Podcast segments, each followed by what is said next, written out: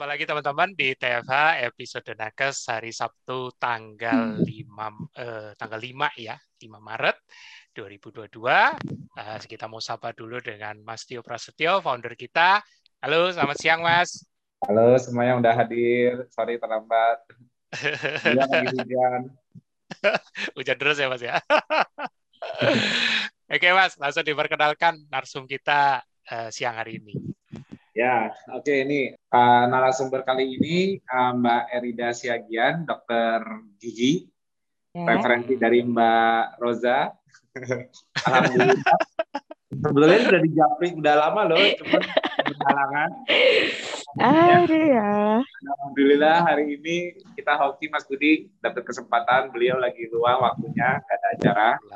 Jadi kita bisa uh, dapat kita sharingnya langsung dari Mbak Erida mengenai pengalamannya hmm. seputar KF. Nah, aku sih belum nanya banyak udah berapa lama KF-nya dan sebagainya.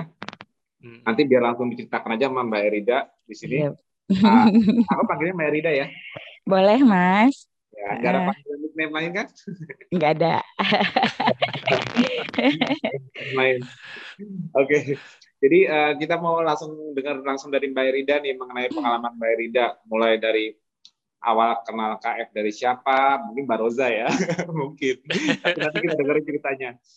Awal kenal KF dari mana, terus alasannya mungkin ada dulu apa, hmm. terus uh, kira-kira uh, uh, kalau ada alasan itu ada perbaikannya atau kemajuannya dialami misalnya hmm. apa yang diperoleh terus hmm. gimana respon dari keluarga atau mungkin teman sejawat dengan gaya hidup yang anti mainstream ini hmm. anti mainstream kan mbak dan mungkin juga ada keluhan-keluhan atau ada sesuatu dari sisi fisiologi KF yang mbak belum serap atau belum paham atau masih pengen tahu nanti juga boleh ditanyakan Okay. Nanti uh, mudah-mudahan uh, sharing Mbak ini bermanfaat buat banyak orang. Monggo Mbak silakan. Amin. Assalamualaikum warahmatullahi wabarakatuh. Waalaikumsalam. Selamat siang warrior semua, warrior-warrior hebat, cakep, keren ya. Hari ini sebelum mulai yang pasti minta maaf dulu sama founder. Ya Allah, malu. Kenapa malu? Beneran malu. Udah berapa kali diminta gitu ya, Masya Allah. Tapi keren kemarin ya mbaknya. Jadi langsung kalau pekan depan gimana mbak gitu. Jadi ya langsung kosong gitu ya. Biasanya tuh pas dia nggak nanya pekan depan gitu ya. Pas mau baru nanya. Jadi pas kebetulan pula udah udah udah ada jadwal gitu. Jadi gitu kemarin ditanya, Mas uh, Mbak minggu depan gimana? Oke Mas minggu depan Insya Allah kosong gitu. sebelum ya seminggu sebelumnya. iya. Nah kalau pengalaman sebenarnya pertama kali KF itu kalau nggak salah Rida ya ingat itu sekitar 2015 atau 2016 deh udah mulai. Jadi beda dikit sama dokter Piprim waktu pas masuk ke uh, grup KF juga itu beda dikit sama dokter Piprim kalau nggak salah karena gitu hmm. pas masuk ngobrol tuh di awal tuh bertanya-tanya tuh pas itu. Hmm. Nah kalau pertama kali tahu tentang KF uh, eh, itu searching Terus pertama hmm. kenal dengan KF juga tahu Mas Tio, tahu Mbak Eva, Mbak Eva Badru. Nah, itu. Hmm. Sama Mas Bobby malah belum kenal waktu itu, belum pernah hmm. tahu gitu ya. Hmm. nah, jadi 2015 atau 16 gitu saya nggak inget pokoknya beda dikit sama Dr. Piprim. Dr. Piprim itu 2015 apa 16, Mas? Uh, Pertama. 2016 15 Enggak lah, 2016. 16. Nah, ya. oh. itu tuh saya mulai waktu itu kenapa pengen tahu sebenarnya karena hmm. awalnya awalnya banget sih sebenarnya justru buat suamiku gitu loh waktu itu yang hmm. emang riwayat si Abi punya asam urat sama batu ginjal. Hmm. Nah, okay. terus dengan riwayat juga alergi obat yang banyak banget dari mulai antibiotik, ibuprofen, uh, diklofenak tuh pokoknya dia banyak alergi obat gitu mas. Jadi hmm. uh, kayak jagain dia itu kayak jaga berlian saya bilang gitu ya. Kalau sakit saya okay. bingung gitu loh mau ngasih dia obat nah. apa gitu kan. Sampai saya tuh nyuruh sama dia Abi harus ingat obat-obat apa aja yang Abi itu alergi. Jadi kalau nanti nggak pas sama Umi terjadi sesuatu, Abi bisa ngomong ke dokternya yang nangani. Saya bilang gitu tuh waktu itu hmm. gitu ya. Hmm. Nah, terus juga kalau secara uh, kesehatan sih, kalau dulu saya sendiri eh, nggak uh, ada masalah apa-apa sampai hmm. ke hamil pertama itu kayaknya mulai terjadinya uh, metaboliknya berantakan karena waktu itu hamil anak pertama itu saya naik 25 kilo. Hmm. hmm, jadi naik 25 kilo itu yang memang masya Allah makan nasi. Pokoknya sebentar-sebentar harus makan gitu loh. Hmm, dan hmm, makannya hmm. itu nggak nendang kalau nggak nasi. Jadi memang satu hari itu bisa sampai berkali-kali karena memang lapar kalau nggak dimakan mual nggak makan mual gitu. Jadi akhirnya makan makan makan itu sampai waktu hamil anak pertama itu hmm, naik 25 kilo terus gula naik uh, uh, pokoknya gula tinggi, kolesterol tinggi, asam urat tinggi, yang rendah cuma HB. Jadi hmm. udah itunya naik hmm. semua, HB-nya rendah. Nah, hmm. jadi bingung dokternya nyuruh makannya jadi apa gitu. Paling cuma diantisipasi hmm. dengan obat uh, suplemen nih kan, uh, hmm. FE dan tambah darah sama zat besi itu gitu. Hmm. Terus sampai lahiran anak juga yang kita nggak tidur malam, nggak bisa tidur dan di situlah mulai tensi pertama sekali bisa sampai 180 waktu itu. Sampai 100 padahal uh, riwayat waktu gadis tuh mau 100 aja susah, Mas. Karena biasa tensi 90 gitu ya. Uh, pas yang oh. udah lahir anak pertama itu sih gitu kayaknya yang memang uh, metabolik sindromnya itu terganggu di situlah di situ waktu hmm. metaboliknya. Nah, terus waktu hamil kedua justru nggak bisa makan, hiperemesis. Hmm. Jadi turun hmm. malah beratnya. Nah, hmm. turun beratnya sampai di tujuh bulan baru bisa makan, itu baru yang beratnya naik lagi gitu ke semula. Nah, setelah itu tuh mulailah yang permasalahan kalau dulu kan yang kita nggak ngerti zamannya belum gitu uh, kolesterol itu kan sangat mengerikan gitu ya. Hmm, Jadi dan betul. kita tinggal yang di Kepri penuh dengan seafood yang memang ya namanya juga di kepulauan gitu yang dimakan juga itu aja gitu ya. Yeah, Jadi yeah, emang yeah. yang bahkan sampai pernah tuh kolesterol 370 nggak nyadar itu yang berasa leher tuh gatel tapi di Garuh nggak kerasa apa-apa kesentuh juga nggak kerasa itu gitu loh oh. cuma saya berasanya oh. gatel gitu loh di dalam tuh gatel tapi okay. kok di Garuh nggak kerasa ya gitu ya terus kok tangan-tangan juga nggak berasa terus suka yang uh, kram kaku jadi kalau bangun tidur tuh dulu uh, biasanya jarinya tuh nggak bisa ngegenggam jadi ah. eh, tegang gitu loh. Nah, gitu. Ah, Jadi kalau kita bangun subuh, mau sholat subuh, harus nungguin Abi pulang masjid supaya bisa wudhu gitu loh, biar bisa diwuduin. Karena nggak bisa yeah, ini yeah, gitu iya. loh, kaku. Sama kalau pagi itu bangun, nggak bisa bangun sendiri gitu loh mas. Hmm. Jadi emang dari belakang, tulang belakang itu semuanya emang kaku gitu. Jadi memang harus dibangkitin gitu sama si Abi, baru bisa kita bangun hmm. sholat gitu. Hmm. itu, itu, itu mulanya. Terus sama uh, kalau di saya sendiri yang menjadi permasalahan dari dulu itu dari mulai gadis biasanya sakit pas menstruasi. Hmm, itu okay. memang dari mulai pertama pertama dapat menstruasi sampai saya uh, punya anak itu kan waktu pas kita konsul ke objin, objinnya bilang ntar kalau nikah hilang. Uh, udah ternyata udah nikah nggak hilang tuh masih sakit. Ntar kalau udah lahiran, ternyata waktu lahiran anak pertama uh, lima bulan uh, lima bulan ngerasa itu ngerasain bahagianya nggak sakit setiap haid pas oh. udah lima bulan ke depan balik Mulai lagi, lagi. Sakit lagi pas anak kedua malah gitu habis nifas haid langsung sakit juga jadi memang permasalahannya itu uh, cuma yang haid sakit itu aja kalau di saya waktu itu gitu ya ah. sama riwayat yang se setelah melahirkan itu deh gitu anak pertama hmm, kedua hmm. Hmm. Nah kalau si Abi yang memang riwayat asam urat sama batu ginjal yang emang batu ginjalnya juga pernah keluar ya waktu itu gitu. Yang hmm. saya juga nggak tahu gitu waktu itu riwayatnya dia itu uh, punya memang kayaknya genetik juga sih mungkin ya gitu karena memang hmm. riwayat uh, rata-rata keluarganya si Abi dari mulai orang tua, paman, bibi dan segala macam itu riwayatnya uh, di di batu ginjal rata-rata hmm. rata-rata tuh yang udah operasi yang ini yang itu pokoknya rata-rata di batu ginjal terus sama di asam urat jadi hmm. sampailah sebenarnya karena ngerasanya waktu itu pertama mau KF bukan di Rida gitu ya pengen di Abi hmm. benerin di Abi uh, awalnya itu tapi kan nggak mungkin ngajak orang kalau kita nggak nggak nyoba gitu loh maksudnya nggak hmm. kita nggak ngejalanin kan mas gitu hmm, betul, jadi betul. akhirnya di awal itu saya bilang uh, sebelum saya KF tapi memang saya searching banget protokol KF itu kayak gimana sampai hmm. saya benar-benar paham, sampai hmm. saya benar-benar siap, baru saya mulai hmm. gitu loh. Hmm. Karena memang saya baca di situ kan itu bukan program diet, bukan segala macam, tapi memang gaya hidup yang artinya yep. ya seumur hidup kita akan jalani gitu. Yeah. Makanya kalau nggak karena tekad yang kuat pasti berhenti di tengah jalan gitu. Waktu itu mikirnya tuh hmm. begitu.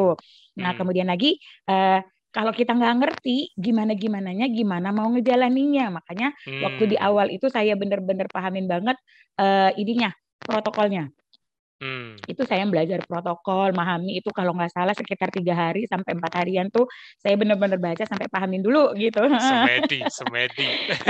gitu, sembari membulatkan tekad gitu. Nah jadi akhirnya setelah paham itu pas bulan Ramadan kalau nggak salah saya mulai nyoba pertama kali KF. Nah pas Ramadan. Terus kalau di saya sendiri nggak terlalu susah ngelepasin nasi karena memang riwayat keluarga saya yang nggak terlalu banyak mengkonsumsi nasi. Tapi memang dari dulu itu ah. diajari dengan banyak mengkonsumsi hmm, lauk, sayur sama buah gitu. Hmm. Jadi waktu hmm. ngelepas nasi juga nggak terlalu yang gimana karena kayak misalnya kita sarapan nih, sarapan roti hmm. itu udah cukup. Nah, tapi beda di hmm. Abi karena model keluarga Abi pemakan nasi. Jadi kalau hmm. belum makan nasi belum sah. Jadi belum kalau sarah iya benar jadi kayak lontong. Terus uh, uh, apa namanya roti itu belum makan deh kalau makan itu gitu. Jadi kendala ah. kemarin justru yang susah ngelepas nasi di Abi. Kalau saya nggak susah, tapi okay. saya susah ngelepas di sayur sama roti mas karena saya suka makan uh, suka cake gitu kan sama sayur memang memang sayur buah itu dari dulu tuh emang emang kayaknya belum sempurna belum makan kalau belum kena sayur sama buah dalam satu hari gitu ah, okay. hmm. bahkan sebelum pas mulai KF itu saya sempat yang ngejalanin uh, makan buah buah sarapan itu ya buah. Jadi kalau kita belanja itu buah sampai berkilo-kilo dimasukin ke kulkas gitu. Itu sebelum mulai KF tuh saya ingat uh, banget karena memang uh, badan udah gede banget waktu itu gitu kan gitu. Jadi udah deh nggak usah sarapan, kita makannya ke buah gitu. Jadi nggak hmm. roti nggak segala macam tapi di buah waktu itu. Nah sampai kemudian pas di Ramadan itu saya mulai itu saya nggak mikir amunisi yang lengkap-lengkap kayak gimana nggak. Saya cuma butuh VCO sama teh hijau waktu itu. Jadi saya hmm. cuma punya dua itu saya mulai dengan itu gitu ya. Uh, terus karena memang udah paham di awal pasti kena ketua flu, pasti kemudian hmm. ada masa transisi gitu ya waktu yeah. jangan terus uh. Uh, batuk saya malah lama itu ketoflunya tuh dibatuk waktu itu batuknya tuh lama mas ah. sampai yang Ramadan selesai sampai Lebaran mudik uh, pulang dari Medan ke sini tuh masih yang batuk itu lama gitu tapi okay. ya setelah itu ya alhamdulillah tuntas gitu waktu itu Nah, uh, jadi pas yang Ramadan itu kita mulai, saya udah mulai seminggu, baru suami mulai. Nah, itu. Hmm. Jadi waktu pas saya mulain ketuk ke suami juga, uh, saya nggak langsung berhentiin nasi karena saya nanya dia dulu siap hmm. nggak gitu. Abi hmm. memang mau sendiri atau karena paksaan dari saya? Oke. eh nggak mau okay. waktu itu kan. Jadi waktu uh, dia bilang mau, uh. akhirnya saya bilang Abi mau nggak kalau nasinya Umi yang ngatur gitu.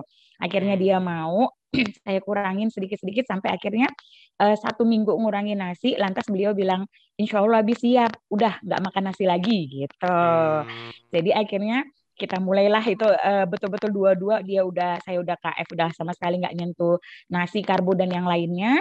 Uh, cuma memang betul makan lauk. Nah seminggu kemudian baru Abi ya waktu itu Tapi memang benar-benar mudah kalau kita berdua gitu ya Mas. Jadi karena nggak ada yang mengganggu dan menggoda kembali gitu ya. Karena yep, dua-duanya yep. udah udah sama. Terus saya juga jadi nggak ribet gitu loh masaknya sekalian gitu kan ya. Uh, paling tinggal waktu itu di anak-anak. Nah kemudian hmm. kalau kendalanya pas menjalani KF itu sama suami juga ngalamin yang kelingan dan segala macam. Cuma suami sih kalau saya rasa lebih berat. Jadi waktu pas sudah sekian bulan kita KF, Habi itu HC-nya tetap di asam urat mas. Di asam urat. Jadi kakinya tuh sampai yang bengkak nggak bisa jalan. Mm-hmm. gitu ya.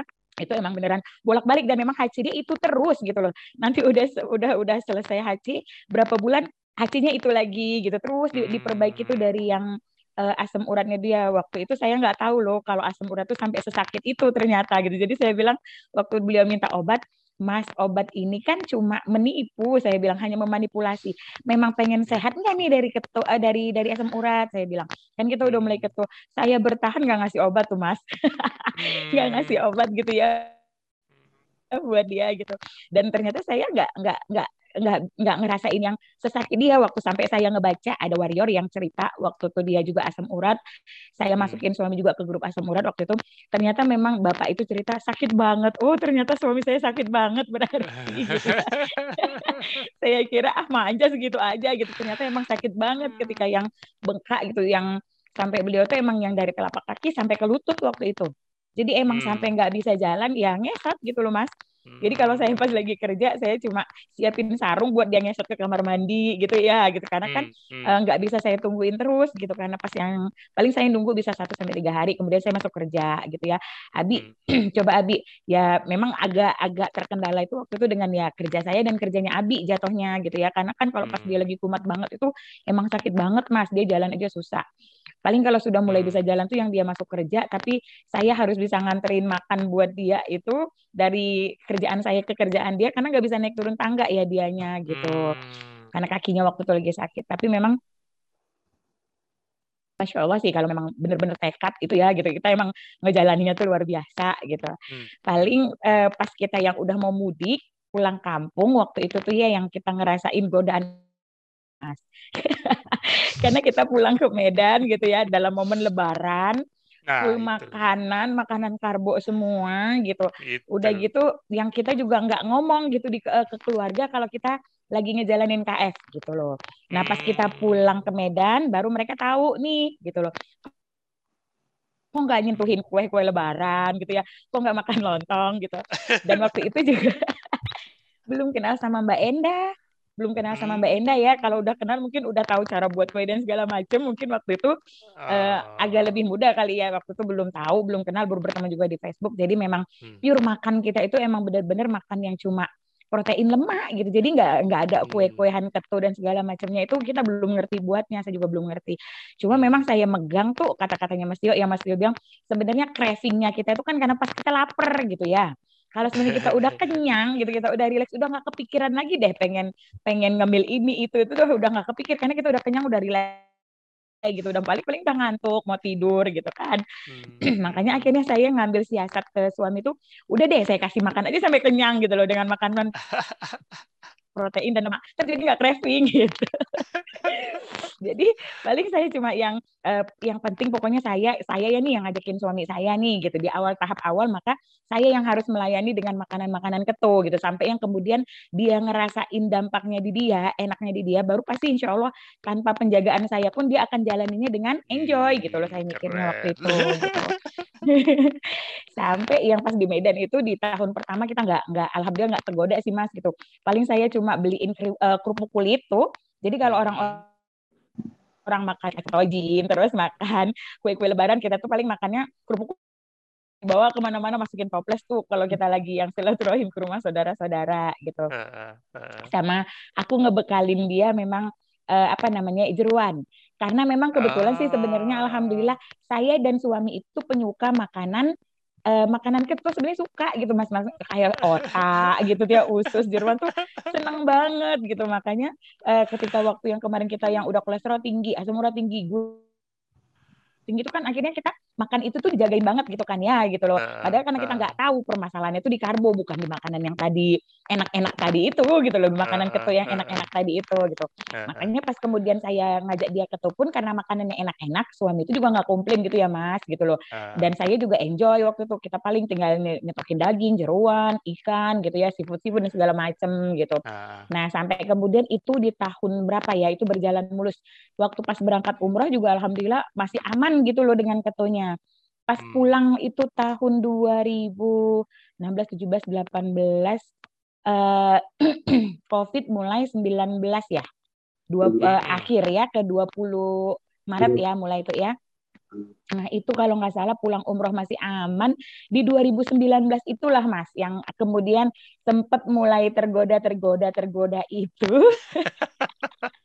Masya Allah. Tapi ketika tergoda itu tapi luar biasanya itu nggak kepikiran makan nasi gitu loh Mas. Maksudnya ngelihat nasi itu udah kayak yang jahat banget, gula itu udah kayak yang jahat banget. Tapi itu kalau di saya kan tadi godaannya itu kan kayak yang di roti gitu ya, kayak kayak, kayak Hmm. pizza yang gitu-gitu tuh kalau di saya tuh gitu ya. Nah, itu yang kita mulai mulai kembali tuh, mulai kembali tuh yang dikit-dikit tapi memang ketika tubuh kita memang sudah ketosis kan pada akhirnya masuk karbo sedikit aja bereaksi ya Mas ya, bereaksi bereaksi sampai Iya.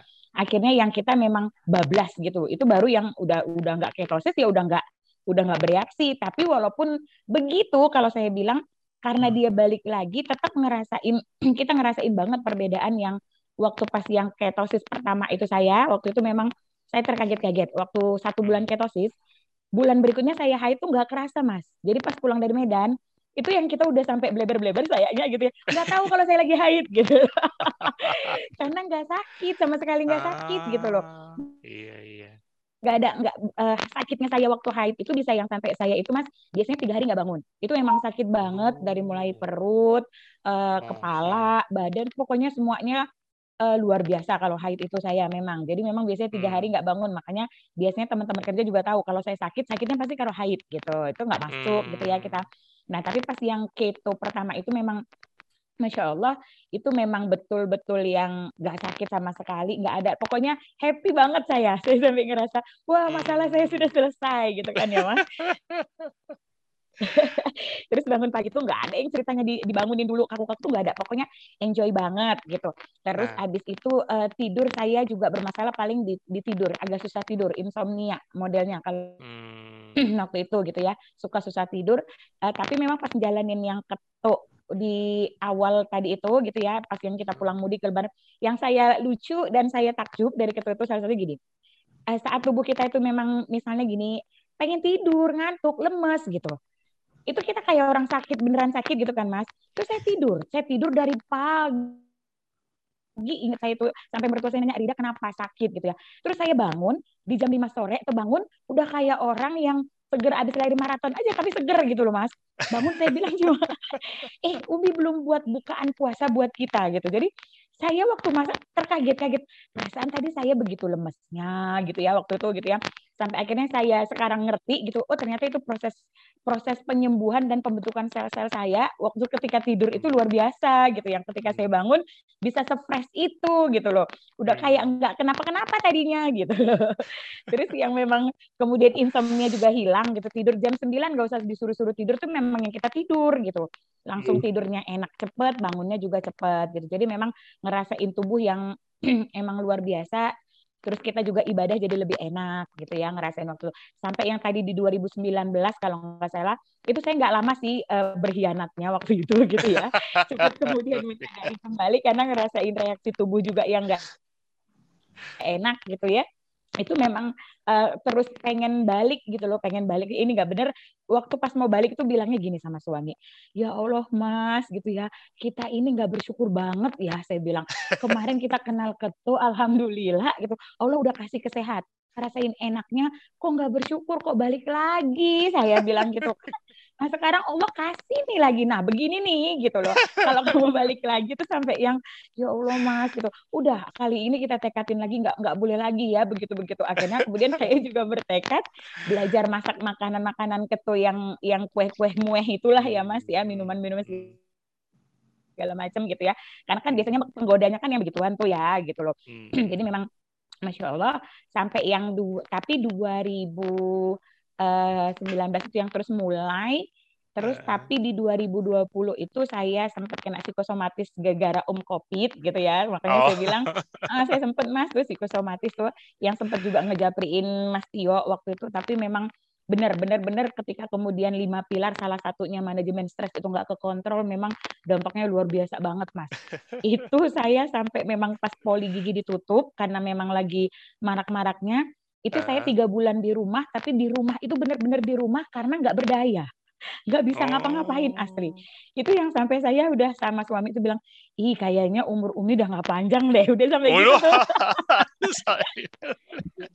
karena memang karena asam lambung itu masya allah saya minum omeprazol apa pun itu kayak nggak fungsi banget bener.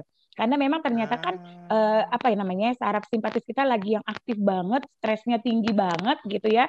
Tapi itu tadi karena waktu di awal itu pemahaman antara overdo yang berlebihan tadi. Misalnya overstress saya mikirnya udah deh kalau begini supaya saya cepat lagi ketosis saya eh ketosis macam saya perpanjang puasa. Bahkan saya akhirnya WF-nya tuh di situ. Itu kesalahan terbesar banget kan akhirnya. Makanya waktu pas udah penjelasan Mas Tio macam ya Allah saya bilang begitu. Apa nggak tubuh saya makin stres? gitu loh kan. Jadi saya WF di, di awal dulu ketuk malah nggak pernah WF mas. Karena saya sudah sakit begitu jadi akhirnya kan kita kayak udah yang udah yang hopeless kan mas gitu mikir. Iya. apa pun saya kerja yang penting saya sehat gitu loh. Jadi akhirnya oh kayaknya kalau diperpanjang puasa sehat deh. Oh kalau saya banyak olahraga sehat deh waktu itu gitu tuh. Jadi lucu. Jadi akhirnya saya bisa water fasting itu lima hari mas. Sampai lima hari itu berhasil gitu ya. Saya sediain uh. cuma kaldu IH dan segala macam. Nah yang di kedua ini baru saya uh, konsumsi IH terus kemudian memang memperbanyak kaldu waktu itu gitu ya dengan kondisi yang memang waktu yang over stress itu kan saya nggak bisa masuk makanan. Masuk ah. satu potong ah. ayam itu aja mas udah yang kita begah, mual, muntah itu udah yang terus begitu gitu dan bolak-balik over over uh, diuresis kita kan jadi bolak-balik pipis dan segala macam dan memang berat badan langsung tambah turun gitu gitu. Jadi di tiga bulan yang hmm. sampai memang ketika pas yang udah over stress itu kan akhirnya GERD saya keluar, anxiety saya keluar gitu. Itu saya memang ya ampun Mas udah sampai yang berpikir, duh gimana ya kalau mau pulang kampung, mau mudik terus tiba-tiba di bandara uh, uh, saya kumat nih GERD-nya kayak begini. Kan kalau pas udah lagi yang flare up itu bener-bener yang tak berdaya Mas gitu loh. Hmm. Jadi emang hmm, bener jantung hmm. itu udah kayak mau copot aja, itu nggak berhenti. Kita udah yang keringet hmm. dingin ingin keluar itu yang saya masak bisa tiba-tiba begitu aja keluar langsung gitu loh jadi memang sudah yang ya hmm. ampun gitu sampai saya bilang e, sebenarnya akhirnya kan kalau orang yang sudah over stress kan pikiran ke mana-mana ya mas bukan yeah. makin terkendali makin ke mana-mana kita makin searching yang Ih, kayaknya saya sakit ini deh saya sakit ini deh udah sampai gimana gimana tuh waktu itu tapi alhamdulillah tuh hmm. uh, baliknya itu karena memang kita ngerti, kita paham, saya bilang, kok saya jadi begini ya, gitu kan, mati hidup sudah ditentuin sama Allah, gitu loh. Kapan saya hmm. mati juga sudah ada jadwalnya, gitu. Kenapa saya jadi hmm. ketakutan sendiri? Dan waktu yang pertama kali buat uh, saya stres dengan COVID itu sebenarnya ketika sebelum sebelum terjadinya kita diliburkan segala macam, saya sempat nangani pasien, gitu. Dan dengan uh, seadanya lah gitu loh uh, ininya kita gitu protokol kesehatan yang seadanya gitu waktu itu di puskesmas. Makanya saya berpikir duh saya bawa virus nggak ya? Nanti anak-anak saya gimana ya? Suami saya gimana ya? Gitu loh. Saya jadi nularin gitu. Nah makanya itu yang awalnya gitu sampai akhirnya saya beneran stres waktu itu. Tapi kemudian saya baliknya tuh udah deh saya nenangin hatinya dengan gimana ya? Akhirnya saya baca Quran. Kerjanya tiap hari tuh baca Quran gitu mas. Bisa yang satu hari sampai 10 juz tuh kita, kita memang itu. Jadi justru itu yang menangin saya. Cuma malam tetap nggak bisa tidur. Hmm. nggak bisa hmm. tidur saya bisa bisa itu dari malam itu nggak tidur sampai di jam 4 jam 5 pagi gitu loh. Hmm. emang beneran nggak tidur dan kita ngerasain kayak orang kena covid gitu loh. Yang ngerasain uh, kok batuk ya kok pilek ya kok uh, kok ini demam. Itu sampai saya bisa bolak balik pegang tem ngukur tem saya sendiri gitu. Jadi emang masya allah gitu. Tanpa sadar stres ya mbak ya? Iya tanpa tanpa sadar stres itu gitu. Makanya memang kalau orang bilang saya nggak stres saya nggak stres dia nggak tahu aja kalau tubuhnya itu dirinya itu pikirannya itu stres gitu loh. Dan nggak yeah. mengakuin itu. Yeah. gitu ya. Sampai akhirnya saya nerima oh iya memang saya stres deh kayaknya gitu. Sampai saya bilang maksudnya atau Umi perlu ke psikolog kali ya gitu saya bilang kan gitu. Atau tapi udah deh coba saya tangani sendiri. Itu sampai yang handphone saya itu diambil sama suami mas. Supaya nggak ngebuka-buka berita apa pun gitu. Jadi memang disterilin banget waktu itu saya dan itu makan waktu tiga bulan waktu itu saya terkapar terkaparnya untuk mengatakan saya warrior itu saya susah.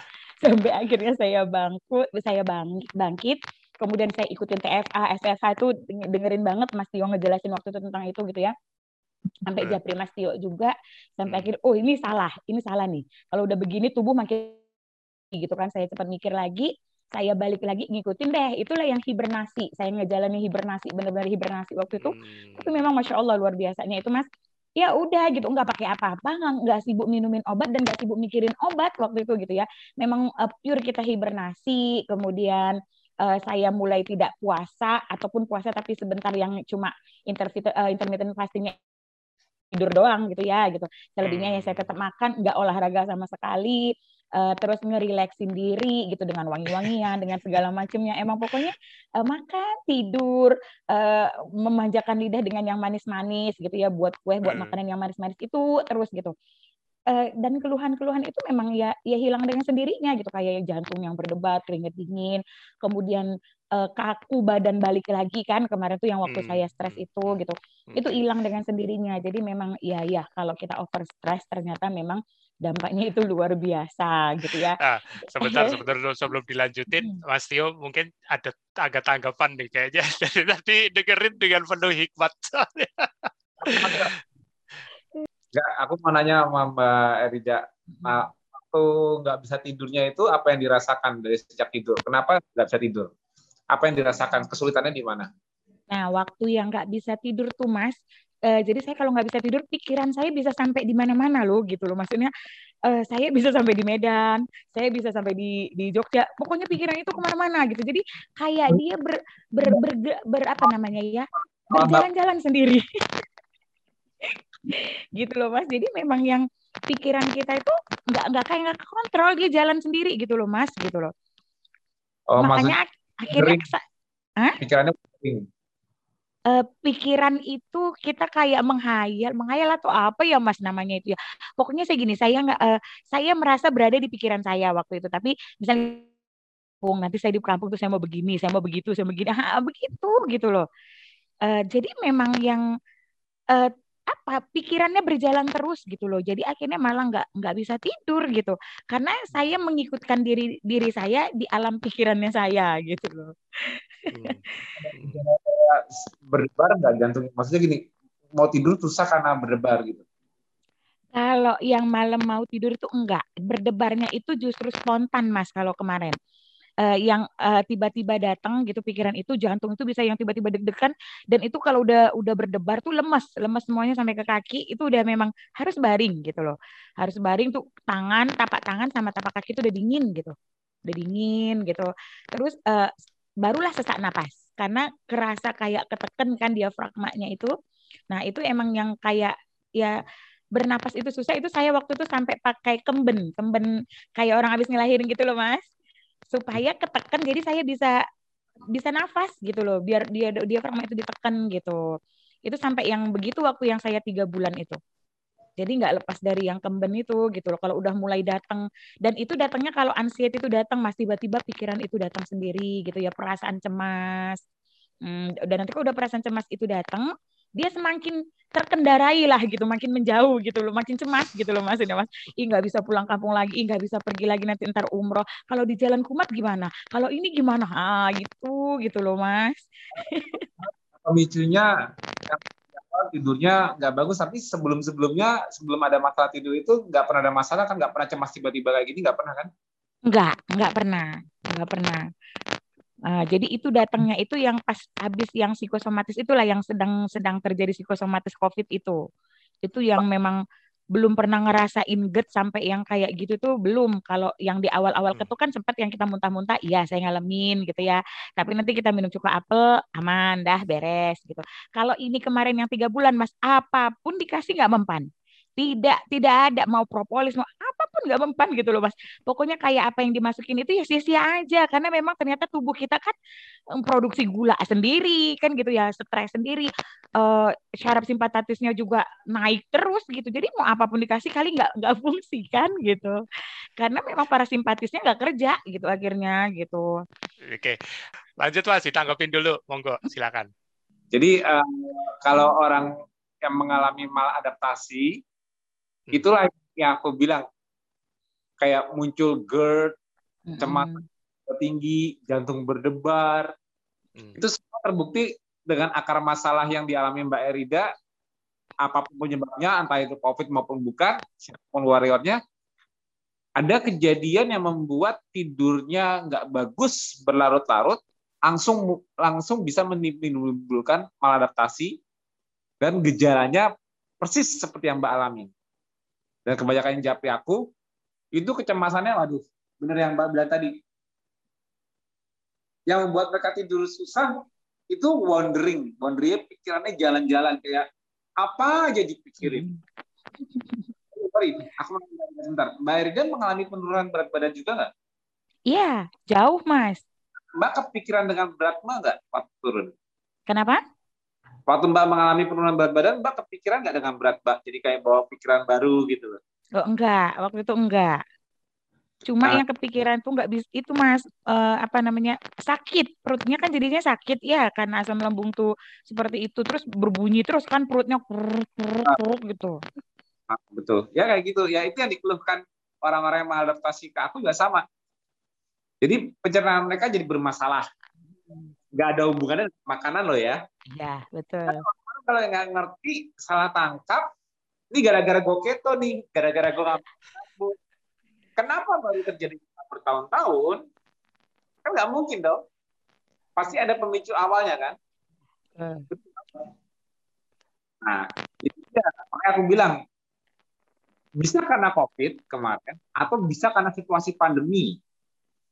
Makanya di awal 2020 itu baru banyak orang mau adaptasi itu kenapa? Karena ternyata situasi pandemi itu ternyata membuat anxiety meningkat. Kecemasan akan kekhawatiran akan si virus sendiri, kecemasan akan masalah finansial misalnya, atau yang tadinya biasanya aktif sekarang jadi nggak bisa aktif, atau yang biasanya tidurnya tadinya biasa cepat jadi karena di rumah terus walaupun mereka cuma work from home atau apa cuma tatap muka zoom terus jadi malah nggak ngantuk karena mereka mager. Betul nggak? Mager mager itu membuat tadinya mereka aktif biasanya tidur cepat from home udah terbiasa work from home udah mulai work from home mulai dari yang sekolah juga akhirnya. Karena zoom meeting mulu akhirnya malamnya malah nggak tidur atau akhirnya mereka work from home kok kayaknya karena merasa di rumah nggak ke mana-mana nggak merasa kerja ya masih kerja tapi kerjanya cuma di depan laptop atau di depan zoom meeting handphone lah hmm. nggak masa bergerak kebanyakan magernya akhirnya kualitas tidur turun nah di situlah terjadi akumulasi sleep deprivation gangguan tidur hmm. akhirnya gejala yang muncul apa persis semua yang mbak bilang tadi mulai jantung berdebat pencernaan langsung tiba-tiba kok jadi bermasalah. Terus tiba-tiba kecemasannya jadi tinggi, ketakutan berbagai hal, semua hal dipikirin. Jadi saling saling berpadu untuk membuat makin sulit tidur. Padahal hmm. perbaikinya kan tidur, mengembalikan. Ya, Tapi gejala yang memunculkan itu mempersulit kemampuan tidur. Itu yang aku sebut namanya domino efek. Ya.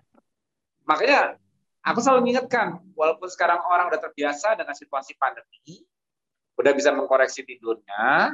Ya kan kalau di awal-awal karena pandemi itu suatu hal yang baru 2020 masih kaget kan, masih banyak yang sedih kan, gangguan tidur kan. Tapi kalau sampai sekarang masih belum belum terbiasa dengan situasi Nah, tapi tetap selalu diingat pemicu awalnya selalu di kegagalan tidur sempurna berlarut-larut. Entah itu karena dia pas terinfeksi COVID kah dia jadi khawatiran, entah situasi pandemi kah, Nah, tapi yang aku mau ceritakan secara fisiologi, akumulasi dari kegagalan tubuh meriset sistem sarafnya saat tidur, sehingga kalau kita terjaga kayak gini kan kita menggunakan sistem saraf simpatetik. Mhm. Kita sehat, saraf simpatetik kita, walaupun kita awal kayak aku nih, aku belum makan, belum apa. Berarti kan saraf simpatetik kan lagi bekerja nih untuk melepas lemak-lemak di badanku, betul dong? Mhm. Agar aku bisa pakai sebagai sumber energi, ya kan? Mm -hmm. Nah, tapi ya, tapi kerjaku ini kenapa aku aku kelihatannya kayak orang orang kelaparan atau orang kecapean atau gimana enggak walaupun aku makan terakhir kemarin habis ya. ngejim loh habis sirkuit training loh tadi yang kata biasa aja kan artinya hmm. patetik yang aku gunakan itu kondisinya tetap pakai simpatetik tapi parasimpatetikku masih dominan jadi aku pakai simpatetik sistem stres untuk ngegas hmm. untuk fungsinya gas itu untuk melepas energi dalam tubuh melepas lemak-lemak di badan. Bayangkan lemakku sekarang tinggal 6 persen. Logikanya orang dengan body fat cuma 6 persen apa nggak simpatetiknya makin berat Mas Tio? Itu jadi gini ada cerita nih. Mbak ada di Medcon nggak? Aku lupa. Mbak masuk ke dalam hmm? Medcon? Ah. Mbak ada di grup Medcon nggak? Ada. Medcon berapa? Uh, berapa ya? Hmm, ya inget mas. Tapi ikutin, uh, tapi jarang uh, bukanya nggak nggak nggak terus terus mas nanti udah banyak baru dibacain. Kalau Mbak Roza kan di Metcon satu tuh. Nah, Mbak nah, Roza metabolik berapa ya saya ya? Awal ceritanya kenapa kenapa aku apa men-challenge diriku untuk menurunkan body fatku dari bulan Desember itu body fatku masih sekitar 14 persen. Hmm. 14 itu beratku masih 68 masih 68, masih sekitar 68, 69 kadang-kadang tapi 68 69 lah.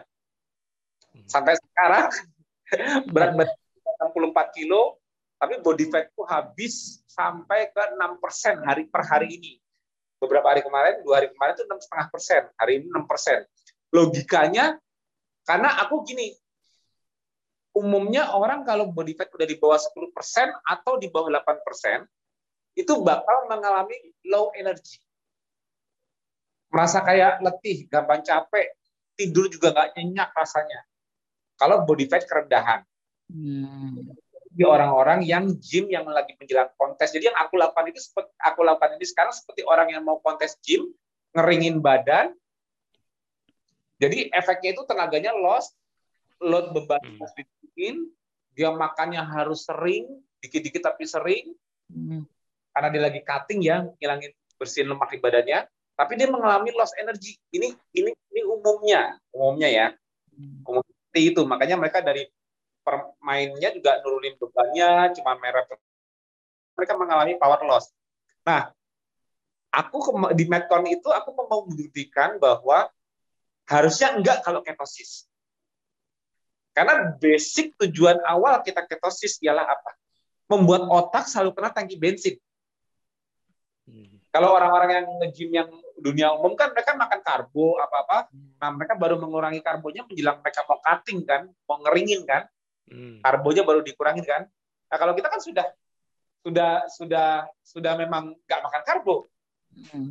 Kita, Mbak kan mengalami tuh kemarin masa adaptasi awal ya muntah, lemes. Ada kan awal pertama kali mulai oh. kan?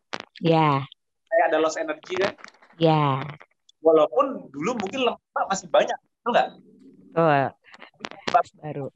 Kayak kayak Mbak mau lagi, betul nggak? Ya, betul. Itu bukan masalah otot Mbak makan energi, otak mm -hmm. biasa pakai pelan-pelan switching mau ganti keton. Mm. Transisinya itu sebelum keras itu yang itu yang membuat mbak kayak yang dirasa kayak kok aku gak ada tenaga ya tapi itu hmm. bukan ototnya tidak bisa bakar lemak enggak cuman otaknya mengizinkan ototnya untuk pakai lemak banyak dilepas karena apa karena ingat cara motor utama manusia motor utama si penggerak manusia itu sebetulnya bukan otot otot itu lokomotornya ya ini kayak roda-roda badan kita itu kayak roda-roda. Nah, roda-roda ini tapi perintahnya kan mesinnya di sini. Otak. Mm. Otak kita nggak dapat energinya lah. Seakan-akan kayak ini yang lemes, kayak badannya aduh kok ini lemes, uh, kaki lemes. Bukan berarti otot kaki nggak dapat energi enggak. Saraf pengontrolnya simpatetik simpat sistem saraf pengontrolnya ya, kaki. Artinya itu yang lagi lah kuat. Ya. Itu masalahnya di situ. Jadi dengan adaptasi ketosis tujuan awalnya ialah apa? Membuat otak kita terbiasa pakai keton yang asalnya dari apa? Lemak di badan bukan? Ya, betul. Itu yang mau aku buktikan kemarin di Medcon. Aku bilang kalau kalau kemarin-kemarin aku body fat itu di atas 10 persen, 12, 14 persen kan, ah ya itu masih cukup. Nah, aku lagi mau coba go to the extreme. Mungkin nggak aku punya body fat di bawah 8%? Ini aku mengalami nggak yang dialami orang-orang yang nge-gym yang pada cutting sampai lemes, ngulangin, ngulangin energi, tenaganya berkurang, terus moodnya berantakan misalnya, atau tidurnya jadi gak nyenyak lagi. Aku mengalami nggak seperti itu? Ternyata tidak. Nah ini Nah sekarang mbak nggak takut kelihatan aku kayak moodnya berantakan nggak? Kelihatan energi loss nggak? Kelihatan kayak yeah dan dan aku tidak melakukan yang mereka lakukan bukan makan sering enggak aku tetap makan sekali aku tetap makan sekali. Berarti 6% body fat bukan halangan bagian ketosis untuk mengizinkan otaknya tetap pakai keton. Betul nggak? Hmm. hmm. karena yang dibutuhkan otak ini cuma di atas, atas asal di darah kita ketonnya sudah 0,5 milimol paling rendah itu otak sudah switch pakai dari gula ke keton udah selesai. Ternyata otak itu juga juga ketonnya nggak harus abrak-abrak nggak harus banyak-banyak. Tapi walau dengan 0,5 milimol keton 0,5 sampai 1 milimol kayak aku keton juga udah nggak tinggi lagi. Aku kisaran juga 0,5 sampai 1 milimol kalau aku habis ke gym mungkin naik lagi. Bisa sampai 2 2 3 milimol hmm. kayak di awal. Tapi ternyata cukup loh. Cukup buat otakku. Dengan lemak cadangan anggapnya lemak itu tangki bensin. Dengan tangki bensin yang udah tipis nanti tipis banget. Tipis banget, kata nggak? Badanku, ya nggak, nggak boleh. Emaknya udah tinggal dikit. nah. Udah, udah kering banget rasanya nih. Rasanya kayak kayak kayak tipis banget baju lah tuh kemarin udah jubitin. tapi tapi intinya intinya dengan cadangan lemak yang udah makin tipis pun kuncinya kalau kita ketosis artinya apa? Artinya otak kita diizinkan untuk selalu mengenal tangki bensinnya walau cuma 6% bayangin. Artinya it can. Nah, tapi jangan jadi ketosis itu intinya membuat kerja saraf simpatetik kita untuk melepas lemak walaupun lemaknya udah tinggal dikit. Mm -hmm. Ya, berarti kan? Mm -hmm. Tetap enteng. Tetap enteng. Kuncinya itu kalau di kuncinya kuncinya untuk semua motorik kita kerjanya enteng, pencernaan kita santai, nggak nggak nggak nggak nggak ada GERD. Karena apa? Pencernaan kita pun juga dikontrol oleh saraf nerve. Jadi kalau kita relax, simpatetik kita bagus, pencernaan kita nggak, aku nggak teriak-teriak nggak nggak kucuk kucuk kucuk kucuk, nggak ada nggak lapar, nggak GERD, nggak nggak bermasalah kayak gitu. Kuncinya cuman saraf simpatetikku tidak berlebihan, pagal tonku, para yang rileksnya dominan. Banyak. Sehingga bisa kali sehari di kondisi body fat persen, tapi dengan sampai biasa aja tuh. Nggak ada nggak ada kayak apa something yang berubah. Aku nggak masalah apa apa serius. Kalau ngikutin uh, aku laporan ke grup metode satu liatin. Gula darahku kemarin 73 aku cek. Waktu aku 6 persen aku 73 aku hari ini nggak ngecek tapi kemarin 73 masih normal. Nggak artinya tubuh nggak stres kan. Dengan fat rendah. Nah jadi masalahnya bukan karena kurang lemak karena dulu ada omongan oh karena udah kekurusan karena kekurusan jadi uh, udah nggak bisa keto lagi. Ya mungkin kurusan nggak aku tanya sekarang. Aku kurusan nggak? Jujur. Kurusan suami juga bilang kalau mas mas ya. mas Tio kok kayak kurus mungkin karena kering tadi mas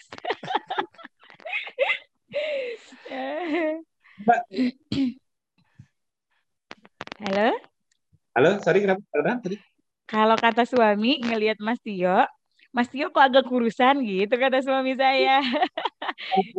Begeng kayak orang yang kayak gitu kan enggak kan? Enggak. Maksudnya Kalau, karena dia kayak mengencang kan jadinya Mas gitu loh. Apa bilangnya?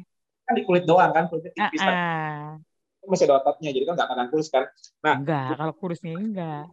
Itu sebetulnya merasa kurus, itu sebetulnya mereka tidak kekurangan lemak loh. Aku berani jamin siapa pun yang merasa kekurusan gak ada energi, kalau aku cek body fatnya, aku yakin nggak mungkin mereka di bawah 10% kayak aku. Nggak mungkin. Walaupun mereka kelihatan lebih, aku yang jamin. Jadi itu alasan namanya kekurangan lemak. Aku yakin mereka body fatnya bisa masih ada kok. 20 persen kelihatannya kurus, tapi 20 persen lemaknya tebel, perutnya tebel, aku udah tipis hmm. banget. Udah, udah tebel loh mereka. Tapi mereka kurus itu sebenarnya cuma kurus otot dan yeah. bilangnya, nih gue kekurusan akhirnya nggak punya tenaga untuk keto dia harus makan karbo lagi hmm. nggak ada makanya aku mau jadi orang pertama buktikan di kondisi ketosis memiliki body fat rendah dan tetap nyaman makan sekali sehari hmm. mau mau buktikan seperti itu aku buktikan bahwa nggak ada excuse orang bilang kekurusan nggak bisa keto aku kekurusan mas lemakku kurang nggak bisa keto lemakku kurang itu berapa lemak lemak ya bukan berat, berat ya, lemaknya maksud gini berat badannya underweight, tapi ternyata hmm. lemaknya nggak ada. Jadi gini, uh. lemaknya underweight, berarti yeah. ada 30 kilo lah, 40 kilo misalnya. Mm-hmm. Secara komposisi Masa tubuhnya, lemaknya. Hmm. Nah, jadi kan nggak bisa menyalahkan kekurangan lemaknya dong. Mm. Betul dong? Ya. Yeah. Harusnya kenapa mereka bergejala, kenapa mereka kerasa lemas waktu mereka masa kurus itu sebetulnya gampang mereka waktu kayak Mbak nih, Mbak waktu mengurus, mm-hmm. Mbak lemak aja, nggak kehilangan otot. Otot, betul. Kenapa Mbak kehilangan otot? Karena sistem saraf simpatetik Mbak kerja keras. Sistem saraf simpatetik Mbak ketinggian. Nah, sampai akhirnya Mbak itu nggak bisa otaknya itu nggak bisa menurunkan simpatetiknya, ini yang kerasa kayak motoriknya yang nggak dapat energi. Iya, Merasa betul. merasa kayak ini pencernaan ini kenapa nih pencernaannya bermasalah. Jadi sistem saraf sistem saraf kita itu mengontrol semua organ kita, bahkan sampai sel-sel yang mobile, contohnya sel imun sekalipun, juga merupakan kontrol dari saraf Saraf. hormonal, Betul. sistem endokrin. Walaupun mereka mobile di darah, si sel-sel imun. Mm-mm. Sudah jelas organ-organ sel intek mulai dari otot, organ jantung, liver semua semua terinervasi oleh saraf. Jadi otak harus tahu what's going on in the system. Jadi selalu harus ada input afferent ke otak. Mm-mm. Semua sinyal ini, semua tubuh kita ini apa pun selnya selalu memberi masukan ke otak tentang apa yang terjadi. Otak memprosesnya, otak meresponnya, memberi afferent afferent output. Afferentnya input, afferent itu output. Nah, kuncinya kenapa autonomic nervous system ini sangat penting untuk kita ya nggak kalau untuk paham mungkin susah ya kalau kalau kalau mungkin neuro neurolog aja juga belum terlalu paham banget. Tapi at least kita tahu gambar besarnya bahwa tubuh kita ini semua terkontrol. Nah, sistem saraf ini ternyata berpengaruh kalau sampai kita mengalami sleep deprivation, gangguan tidur. Hmm. Itu itu yang itu yang mesti di benar-benar itu karena kenapa? Master controllernya nanti bermasalah. Kalau kita nggak memberikan kesempatan untuk otak kita meriset saat tidur, meriset tidur tidurnya. Gimana Mbak mau tidur? Kebuktikan kalau nggak bisa riset ternyata Mbak mau tidur pun jadi sulit kayak wondering Mm-mm. ini kok nggak mau relax relaxnya otak kok jalan-jalan itu yang bahaya kenapa akhirnya jujur nih aku nanya sama Mbak Erida Mm-mm. saat Mbak Erida mengalami mulai wondering gitu kan Mbak mulai susah tidur tuh susah tidur Ya. kan juga lagi besoknya gagal tidur lagi nah aku tanya sekarang semakin lama Mbak gagal tidur kira-kira makin mudah tidur apa makin gampang tidur Makin susah tidur. itu yang. Mm-mm. kenapa aku ingatkan untuk memperhatikan zona tidur kenapa Mm-mm. kalau kita nggak hanya kita nggak sadar dan kita telat memperbaiki meriset otak kita untuk kembali bisa meriset keseimbangan antara simpatetik dan parasimpatetik yang. Kesempatan untuk menyimbangkannya itu ditunda-tunda dicicil-cicil ah mau masih kerjaan besok deh kalau ada weekend baru bisa tidur banyak itu begitu mereka ada waktunya belum tentu semudah itu Untuk bisa tidurnya. kegagalan ini efeknya masih bisa reversible anggap aja 3 4 hari ke depan ya. Gagal tidur tiga hari besoknya dikoreksi, oke. Misalnya hari besok hari besoknya gagal, masih ada kesempatan nih hari ketiga koreksi untuk ngeriset lagi. Hari kelima ke enam itu biasanya udah mulai sulit biasanya. Biasanya kelima hari kelima ke enam kalau nggak buru-buru di riset udah tiga empat hari kegagalan tidur nggak buru-buru riset itu udah mulai sulit di kelima ke enam. Lebih dari tujuh hari sudah pasti sulit apa itu. Hari ke delapannya mau tidur itu ampun-ampunan rasanya. Kayak ini pikiran kok kayak jalan-jalan, kayak nggak bisa ini kok tidur nggak semudah dulu lagi. Ingat Mbak waktu ketosis tidurnya langsung blek banget kan? Pikiranku kok jalan-jalan tuh kayak kadang-kadang ini kan juga detak kalau mungkin mbak nggak merasa berdebar tapi sebetulnya juga lebih kenceng di saat Mm-mm. Otomatis sih sepertinya ya. udah pasti itu itu jadi makanya Ah, eh, mbak udah pernah dapat aku aku kasih video slow pace slow pace apa Pagaton nggak yang slow pace breathing yang dari mbak dokter Siti Chandra udah pernah aku kasih belum sih belum. slow pace breathing. Nah, itu itulah dia salah satu tools yang aku sekarang punya. Terima kasih buat Dr. Siti Chandra terus eh, Rehab KFR yang sudah berkenan memberikan video slow pace. Itu salah satu tools yang bisa kita gunakan untuk sebelum tidur. Apa? Karena pada saat kita pikiran jalan-jalan itu nggak tidur itu sebetulnya walaupun kita nggak merasakan ya kayak mbak nggak merasakan cepat Nah, kalau kita latihan pernapasan itu, itu nanti jantungnya melambat. Kayak melambat, melambat. Karena untuk orang tidur itu sebetulnya itu mengalami perlambatan nafas dan perlambatan jantung. Detak jantung. Benar. BPM-nya nafas makin lambat, akhirnya kemampuan untuk berpikir, kemampuan untuk berpikir turun. Karena sirkulasi tidur. Hmm, betul. Kalau Mbak masih alert terus, berarti sirkulasi darah Mbak masih cepat, Mbak masih kayak masih kayak ya. ya. Masih aktif. Nah, itu dominasinya memang di simpatetik. Gagal masuk tidurnya karena simpatetiknya ketinggian terus. Parasimpatetiknya nggak bisa merilekskan sampai tidur. Jadi rileks itu sebetulnya lemah. Jadi kalau orang bilang rileks itu kuat, enggak. Rileks itu lemah. Udah makan kekenyangan jadi rileks, lemah. Ya itu kamu rileks. Kalau kamu mau kuat, ya di kondisi ketosis ya simpatetik yang dipakai. Hmm. Makanya kalau orang yang WF, yang WF dari kondisi sehat ya, WF, itu hari ketiga saat mereka nggak dikasih makanan terus, malah kayak superhuman. Betul. Ya, memang berarti kan simpatetik yang digunakan kan? Iya. Yeah. Tenaga, tapi kalau simpatetiknya tonnya, tonusnya, aktivitasnya sudah ketinggian, kan? Ya awalnya pagi-pagi mulai awal gejalanya pagi-pagi udah mulai cepet lapar. Begitu tidur nggak seger ya pagi udah cepet lapar. Mau pikiran udah mulai stres tuh mulai susah dikendalikan.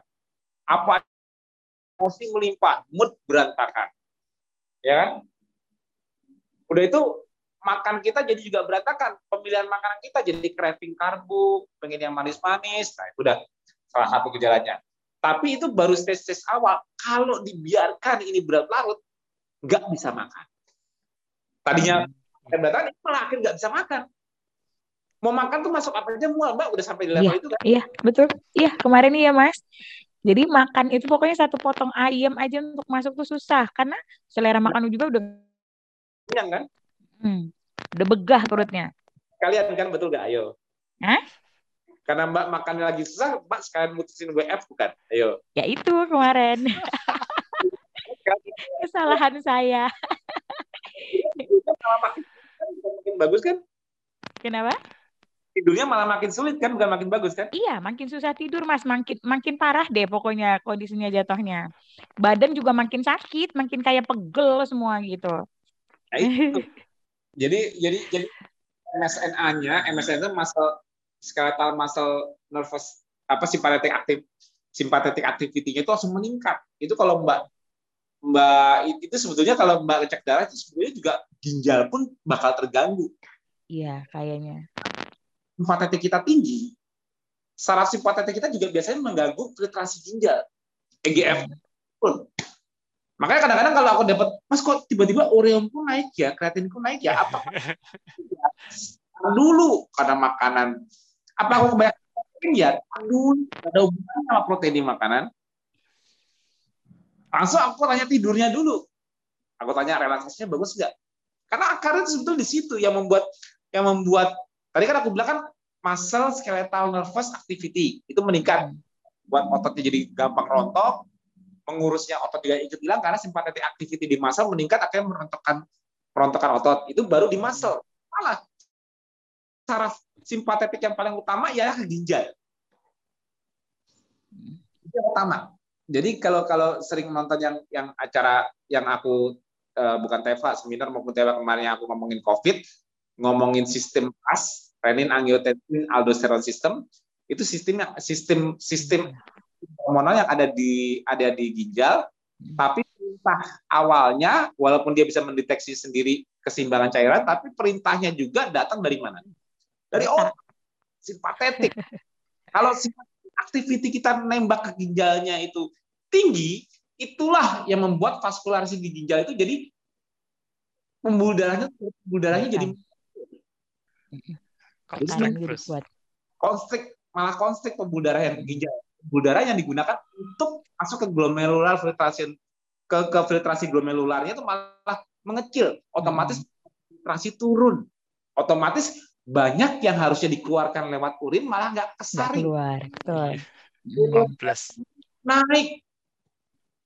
Nggak ada hubungan Pas saya kebanyakan protein nggak? Nggak ada hubungan. Nggak ada. Bodybuilder proteinnya gila-gilaan nggak ada tuh punya masalah ginjal tapi Begitu dia tidur bermasalah selesai. Ginjal yang kena duluan.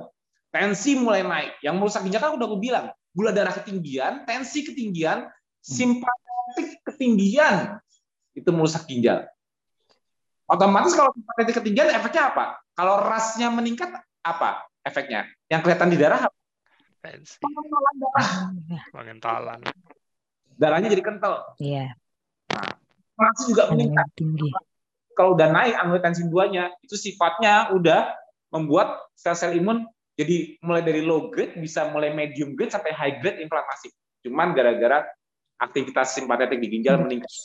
Ya itu akhirnya kembali lagi vicious cycle. Kalau dibiarkan dan jangan sampai pada saat udah mengalami itu bingung dengan makanan. Aduh, ini protein lemak. Padahal itu artinya malah ke mana-mana, nggak mengenali ya, malah kebingungan di makanan. Jangan sampai yang udah nonton TV ini masih terjadi food anxiety atau makan makanan. Kalau nggak makan, kalau nggak makan karbo, ya udah, nggak apa-apa nih mas makan ikan, nggak apa-apa nih makan ayam, nggak apa-apa nih mas makan telur, nggak apa-apa, nggak apa-apa, bakal tahu ureum kreatininu makin rusak. Kalau mau cepat filtrasinya membaik, cepat bisa disaring keluar, Tidur. Dengan cara apa, Mas? Harus gimana dulunya? Perbaiki tidurnya, relasi dan tidurnya, sempurnakan.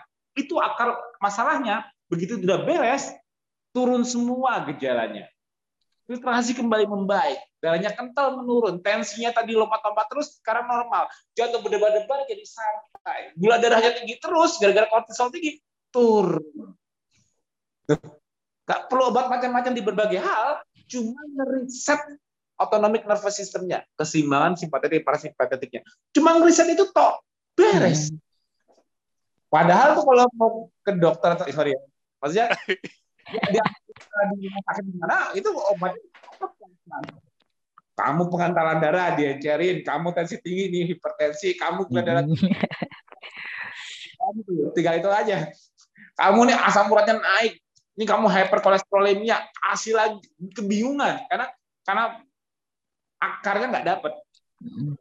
Kuncinya ialah menyimbangkan kembali di motornya. Di mana motornya? Otak. Itu lah. Caranya gimana? Nah, itu dia. Kesulitan aku di dari berbagai input berbagai tools yang aku beri bantu mereka tidur, tapi tetap tidur itu bersifat individual. Hmm. Ada yang berhasil dengan saran-saranku, ada yang masih belum berhasil. Karena yang bisa mengetahui bagaimana cara tidur yang baik, sleep hygiene-nya harus gimana, apa yang aku lakukan, itu mereka sendiri. Individual. Bagaimana menerapkan situasi di lingkungan, bagaimana membuat keluarganya bekerja sama untuk mengizinkan dia tidak ditugaskan apa pun supaya bisa tidur, membuat poin penting bahwa tidur itu penting buatku saat ini, dan aku harus membuat orang di rumahku bekerja sama supaya aku dijadikan misal gini karena anak-anak ya harus didelegasikan dulu mau nggak mau ke beritahu pentingnya kalau nggak buru-buru ngelihat tidur saya makin parah. Tolong bantuin saya nih anak saya eh, anak-anak diatur dulu kamu misalnya suaminya atau misalnya istrinya dan sebaliknya. Situasikan ruangan itu nyaman untuk tidur tenang ini baru faktor eksternalnya aja loh untuk membantu tidurnya yang paling penting ya internalnya psikologinya harus siap untuk tidur Artinya apa? Harus sudah bisa let go apa pun itu saat mau tidur. Let go itu artinya puas. Aku udah nggak ada pikiran, aku nggak ada beban, nggak ada apa yang aku bawa. Aku masuk tempat tidur itu aku bikin secret. Hmm. Masuk tempat tidur, nempel bantal, ya udah mau bikin apa lagi? Aku udah merem. Aku juga gitu, maksudnya gini. Aku belajar macam-macam saat ini untuk seputar masalah tidur ini agak lucu. Kenapa? Karena ini untuk kalian bukan untuk aku. Aku nggak pernah pernah tidur, gampang banget kalau mau tidur. Dan itu resepku dan itu resepku bahwa dengan body fatku serendah ini 6% itu enteng untuk dilepas dengan syarat satu hal juga. Aku nggak boleh punya masalah tidur. Hmm. Karena memang secara logikanya kerja saraf simpatetik pasti agak lebih berat, agak lebih tinggi. Gini loh, kalau misalnya gini, tangki bensinnya masih isi 20 liter sama tangki bensin cuman isinya misalnya gini 20% body fat itu anggapnya 20 liter tangki bensin sama cuman tinggal 6 liter isi tangki bensin 6%. Ya otomatis tembakan pompa bensinnya untuk ngeluarin bensin ke depan mesin beratan mana? Beratan yang tadi 20. Uh-uh. Nah kan? Ya. ya. Kayaknya itu ya pasti. Tapi kok aku bisa gula darah tetap stabil, tensi tetap stabil. Berarti rahasianya itu ternyata di mana? Kalau keto, kalau modalitas jelas kan karena aku ketosis, aku bisa membuktikan bahwa 6% nggak ada power loss. 6% nggak membuatku kelaparan terus. 6% nggak membuatku apalah gitu loh. Itu aku buktikan. Tapi yang menjaga aku ini apa? Ialah apa? Syaratnya ialah yang nomor satu ialah aku selalu tidur bagus. Itu dulu. Beratnya narik 6% itu kelihatan kalau aku tidurnya bermasalah. Pasti, aku jamin. Ya aku nggak mau nyobain ya. Tes ya, nggak mau tidur ya. Jangan disuruh eksperimen itu. Tapi aku udah yakin, aku tidur nggak bagus. Rasa cuma 6 liter bensin itu kayak apa? Pasti kerasa. Nah, itu loh, itu itu itu, itu resepnya. Ketosis itu modalitasnya, otak nggak pernah kehilangan energi, tapi sistem saraf jangan sampai tertekan vagal Jangan sampai kemampuan rileksnya tertekan karena suatu masalah tidur atau stres berlebihan yang membuat kita susah tidur. Misalnya gitu. Stres pikiran berlebihan membuat susah tidur. Maksudnya kita nggak bisa relaksasi, ya karena tidurnya dong. Misalnya Mbak tiba-tiba ada masalah. Kayak orang nih misalnya tiba-tiba dokter bilang, oh hati-hati nih kamu kena kanker nih. Tadinya bisa tidur, bisa tidur nggak abis itu? Nggak bisa tidur. Ketakutan kronisnya itu itu hmm. bisa muncul gejala seperti Mbak. Iya, betul. Udah paham, Mas. Tapi yang dilihat hmm. bagaimana mulai dari dia cemas sampai dia muncul semua gejala-gejala sympathetic overdrive itu, fonis tadi atau itu itu baru masalah cancer lah, nanti ada yang masalah lain lah, misalnya dia bangkrut lah perusahaannya atau apalah ada. Itu maksudnya selalu di tidurnya. Karena apa? Gangguannya pasti di, pasti di, di, di, di saat zona manusia meriset keseimbangan sistem stresnya. Keseimbangan rileks dan stresnya nggak dikasih waktunya. Terhimpit. Nggak dikasih. Akhirnya dia selalu hanya menggunakan sedikit zona untuk riset. Otomatis kalau sedikit zona riset tapi kebanyakan zona pemakaiannya, simpatetiknya kan makin tinggi terus kan? Hmm. Itulah yang membuat kerja simpatetik makin berat, terus yang dihancurin, yang dilepas akhirnya banyak. Badan, otot di badan dihabisin. Badan dia mengurus, tenaganya makin hilang. Hmm. Dan kalau itu udah terjadi, jangan pusingin. Dan, dan, dan ini kebanyakan gini nih. Mbak sempat sempat mikir yang bikin orang engsinya bertambah di saat sudah terjadi kayak gitu apa tuh? Mereka mikir gini, kapan ya saya cepat-cepat sembuh ya? Bisa Ya. Gini loh harapan seperti itu. Karena buru-buru mencari sesuatu yang instan untuk yeah. dia recover, tidak bergejala lagi. Tapi itu malah membuat dia mempersulit. Misalnya, tiba-tiba dia nimbang badannya. Aduh kok makin turun ya? Saya maaf. Cek darah. Duh, Kok naik ya? Laju aku naik, pengentalan darah naik, tensi naik, makin nggak bisa tidur. aku aku aku melihat apa ini uh, tidur ini kan begitu begitu diharapin ya Mas ya menjadi menjadi satu akar fondasi. Aku nanti malam bisa tidur nggak ya? Iya, aku aku langsung berpikir tadi sempat cari di internet andaikan tidur itu semudah semudah gambar ini yang aku bagi gitu kan. Jadi tinggal ditaruh ya kan. Langsung tidur plus andaikan andaikan tidur semudah ini gitu jadi ya sayangnya tidak ada tidak ada cara instan untuk bisa tidur selain ya tadi yang sudah Mas Tio bilang ya harus relaksasi, hmm. harus relax. Ya, ya. Mas Budi. Ya. Nah, Mas ceritain yang kemarin ngobrol sama aku, yang Mas bilang ekspektasi, kontrol, merasa selalu under control. Kita pernah ngalamin tuh. Nah, ini ada cerita dari Mas Budi nih. Satu, satu hal penyebab penyebab seseorang itu ini ini bisa menyebabkan yang membuat anxiety meningkat, kecemasan meningkat, itu karena dia kayak orang yang terbiasa tadinya punya kontrol, nggak punya lose control. Mas Budi cerita yang Mas cerita kemarin aku. Ya, sebentar, aku cari gambarnya dulu. mas, Mas lanjut dulu ngobrol. Nanti aku cari. Bentar, Mas. Mogo, silakan. Ya, jadi gitu Mbak Ida. Jadi jadi jadi jangan kalau aku menemukan seseorang yang sudah mengalami adaptasi dan dia kekhawatiran tinggi, langkah yang aku yang langkah yang aku suruh baiknya apa? Dia mengalami penurunan berat badan, stop nimbang dia selalu berusaha susah, dia susah tidur cepat, selalu merasa tidurnya selalu akhirnya malam. Stop lihat jam. Dia, dia tahu, oh gula darah saya tinggi terus, tensi saya cek cek. Cek. Itu kekhawatirannya, fokus, I'm fine, aku sehat, aku mau sehat, aku harus susah tidur, dah relax. Jangan ada beban yang membuat dia, aduh kapan ya aku bisa sehat lagi ya? Kapan ya aku misalnya apa punya gejala apa yang kayak hilang jadi kapan ya gejala aku hilang ya? Aku bilang mah pasrahkan aja, ikhtiar pasrah. Dah, itu resep untuk memudahkan masuk tidur tanpa beban. Menurutku ya, nggak pernah ngalamin ya, hmm. tapi harusnya hmm. seperti itu. Oke. Okay. Iya sih mas, kami juga saya juga sekarang gitu jadi anak-anak kan udah ngerti gitu ya emaknya kalau misalnya kurang tidur pasti mereka udah bilang tuh mi hibernasi mi hibernasi anak-anak tuh udah udah yang begitu gitu jadi umi umi udah jam segini tidur tidur hibernasi hibernasi atau kalau uminya agak rada cerewet kayaknya umi kurang hibernasi ini mi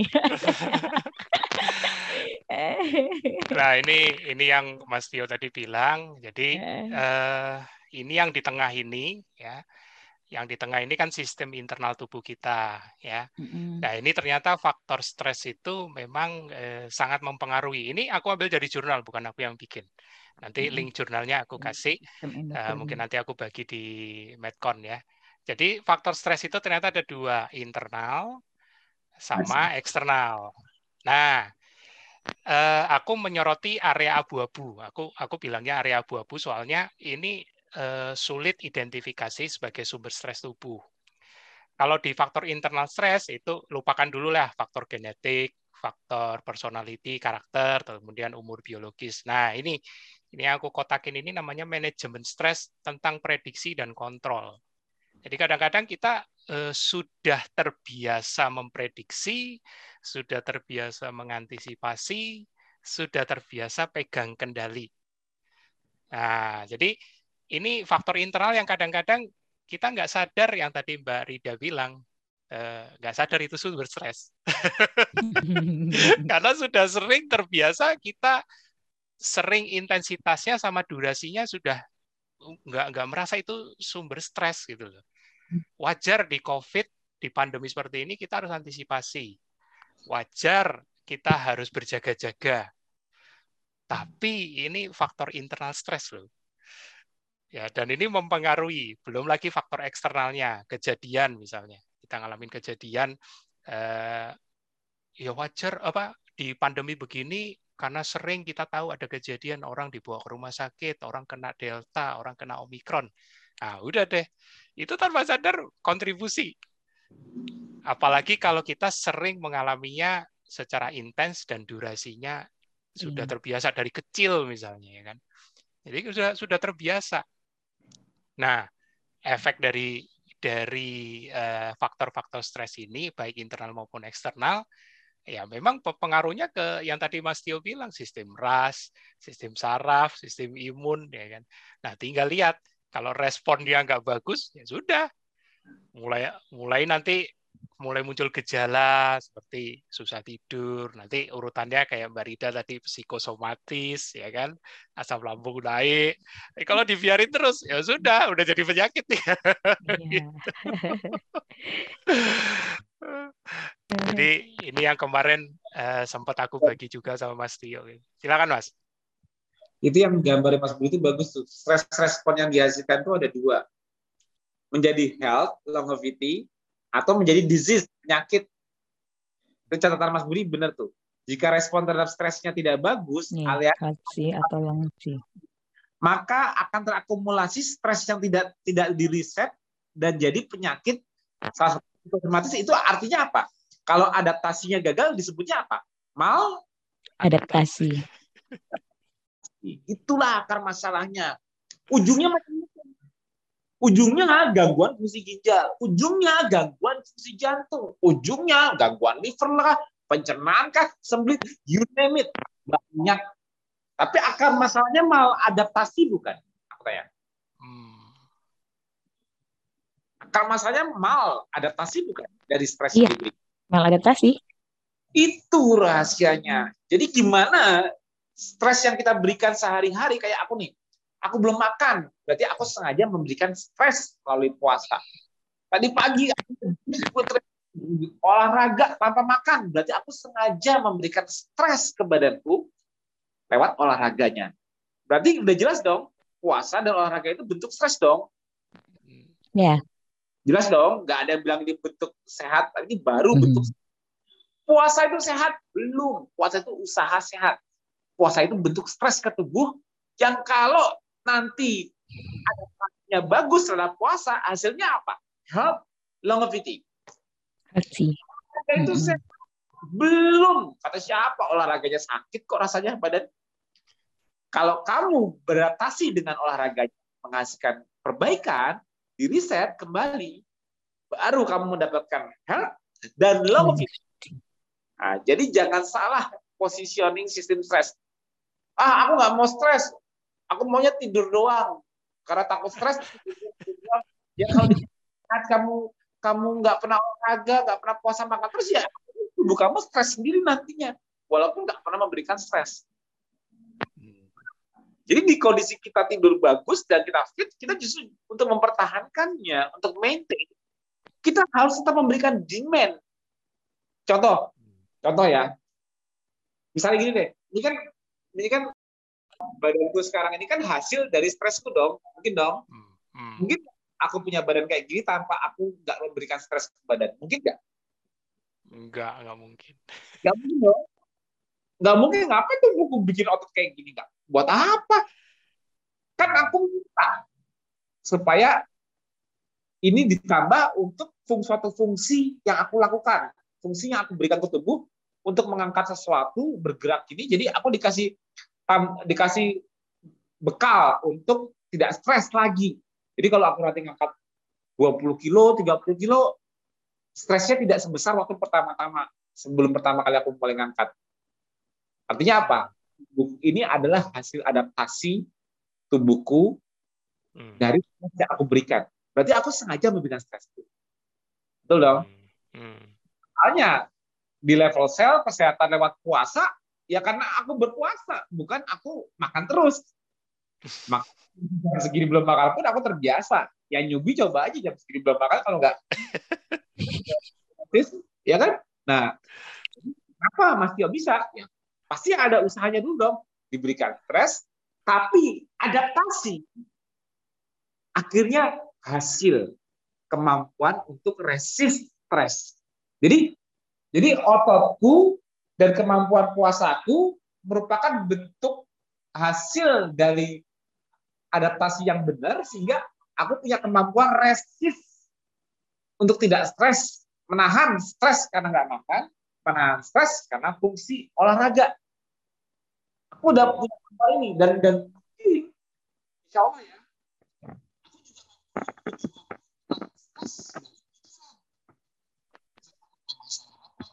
Iya. Mas, suaranya hilang. Uh -uh. Sorry, sorry. Nggak, misalnya nggak cuman soalnya udah masuk belum? Udah, udah. udah mas misalnya nggak cuman aku bisa menghandle stres dari secara fisik ya, misalnya secara stres kemampuan tidak makan dan stres uh, olahraga beban, aku udah bisa nahan, tapi hasilnya pula ialah apa? Sistem itu kan udah dijelaskan di sini. Nggak cuma secara skeletal, nggak cuma secara fisik, tapi juga secara psikologi. Artinya harusnya, ya amit-amit sih, mudah-mudahan aku nggak dikasih masalah berat, tapi harusnya kemampuan handle stres juga meningkat dong, harusnya bisa lebih kalem.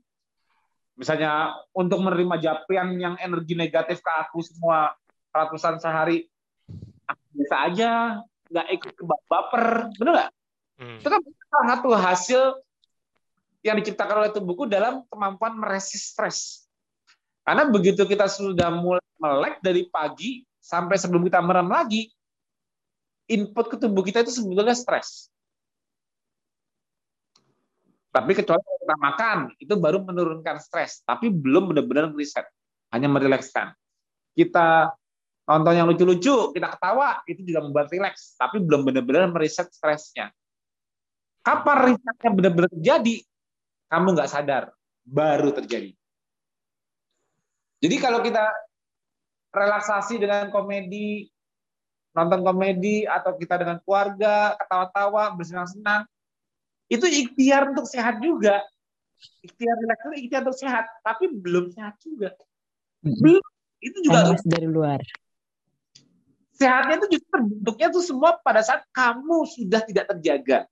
Kamu tidak sadar tubuh kamu menggunakan semua semua input yang masuk dari usaha kamu hari ini dengan bahan bakunya dari makanan diproses menjadi bentuk keseimbangan baru esok pagi. Itulah pentingnya tidur malam yang harus sempurna. Kenapa?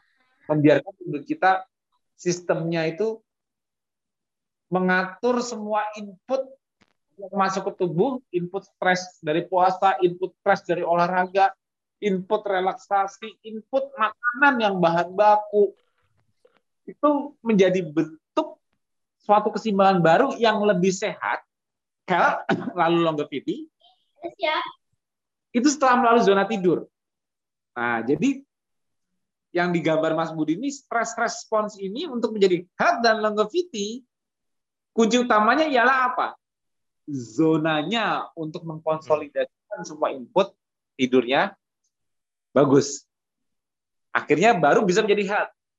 Kebalikannya, kalau kita terlalu over di trainingnya, over di fastingnya, kurang di feedingnya, atau terlalu terlalu over di feedingnya juga bisa. Over feeding maupun under feeding sama halnya. Dan atau kita terlalu apa namanya nggak bisa ngontrol pikiran, arahnya bakal ke kanan, disease. Karena sebelum jadi disease, aku dijamin di situ faktor tidur juga berperan. Karena akumulasinya juga di tidur. Pasti. Sebelum jadi the real disease-nya. Jadi kalau yang Mas Budi ambil ini social isolation stress ini mungkin dari pandemi, tapi itu salah satu bentuk baru salah satu bentuk sumber stres. Realnya 24 jam punya stres masing-masing yang banyak. Hmm. Tapi intinya stres itu ialah hal yang normal. Tapi intinya kita bisa nggak recover dari stres yang kita berikan.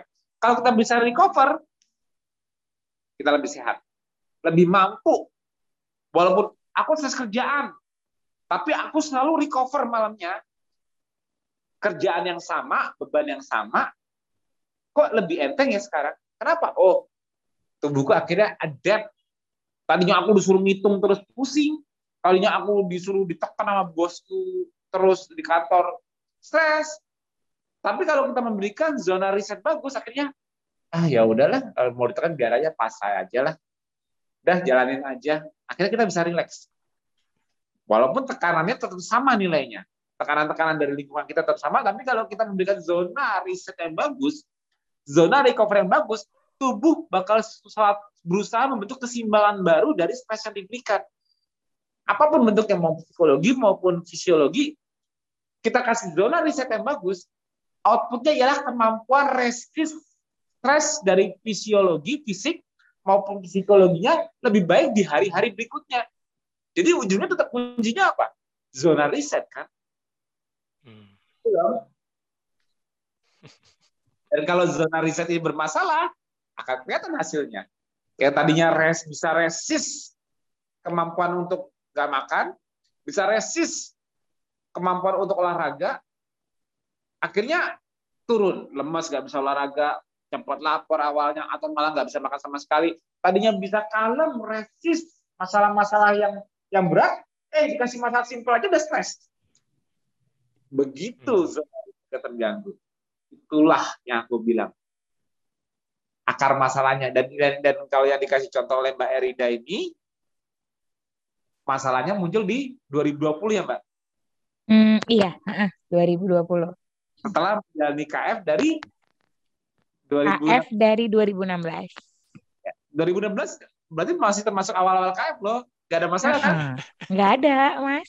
2020 malah, masalah. malah itu loh, Mas. Masya Allah, kayak suamiku, kan hmm. kemarin penumpukan purin tuh di hmm. sendi hmm. ini, di sendi jempol kaki. Hmm. Itu kemarin mau dioperasi, karena kan jadinya kayak kayak penonjolan tulang gitu ya, dia uh, topi ya namanya tuh.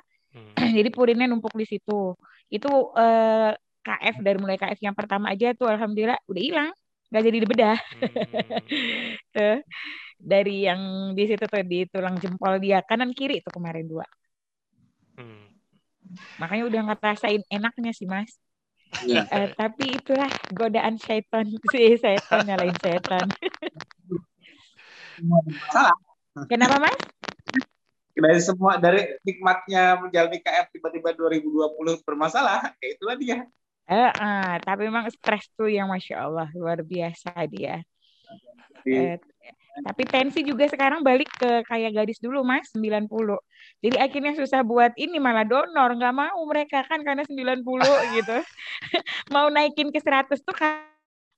Tapi kalau malam tuh kurang tidur, nah besok pagi bisa tuh 100, 110. Kalau bagus tidurnya tuh ya udah 90 aja terus.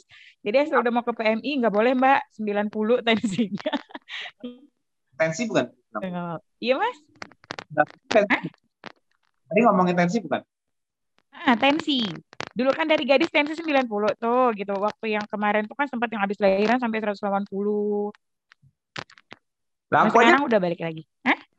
Aku aja tensi itu tidak pernah dari 110, jarang banget dari 110. Uh-uh, jadi 104, 95, 96 masih itu atasnya. Bawahnya 65, 70.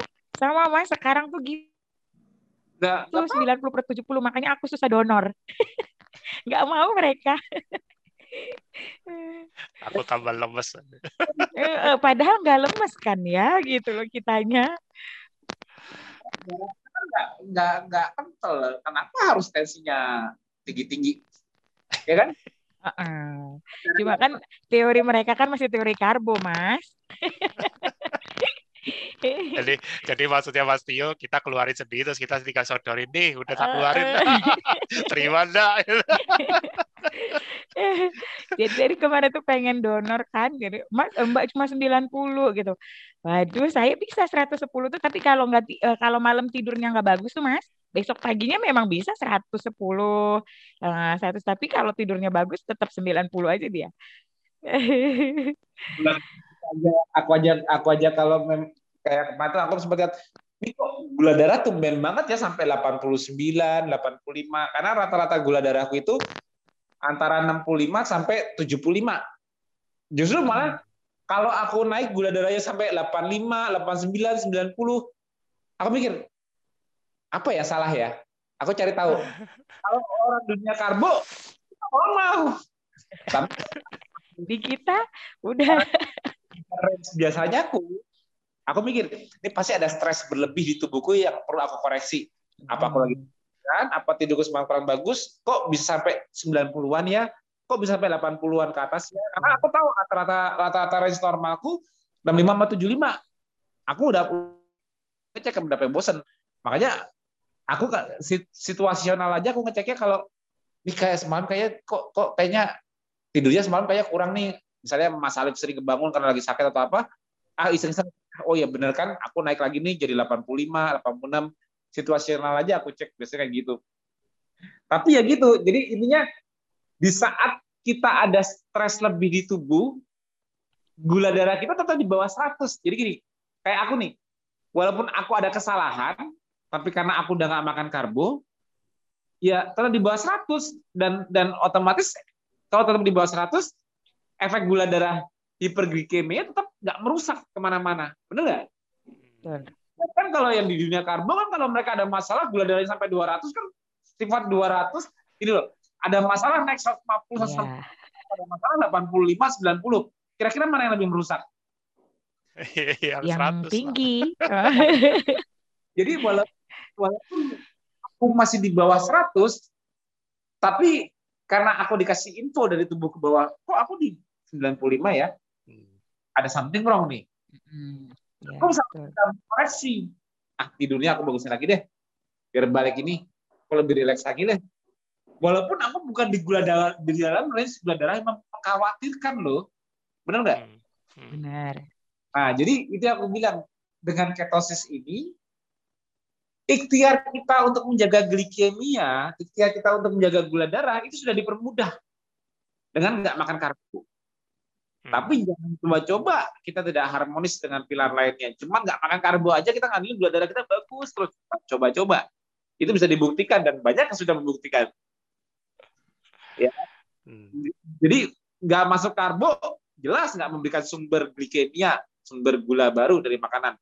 Sehingga cukup Tapi liver tubuhnya sendiri buat gula. liver buat berlebihan. Kita juga.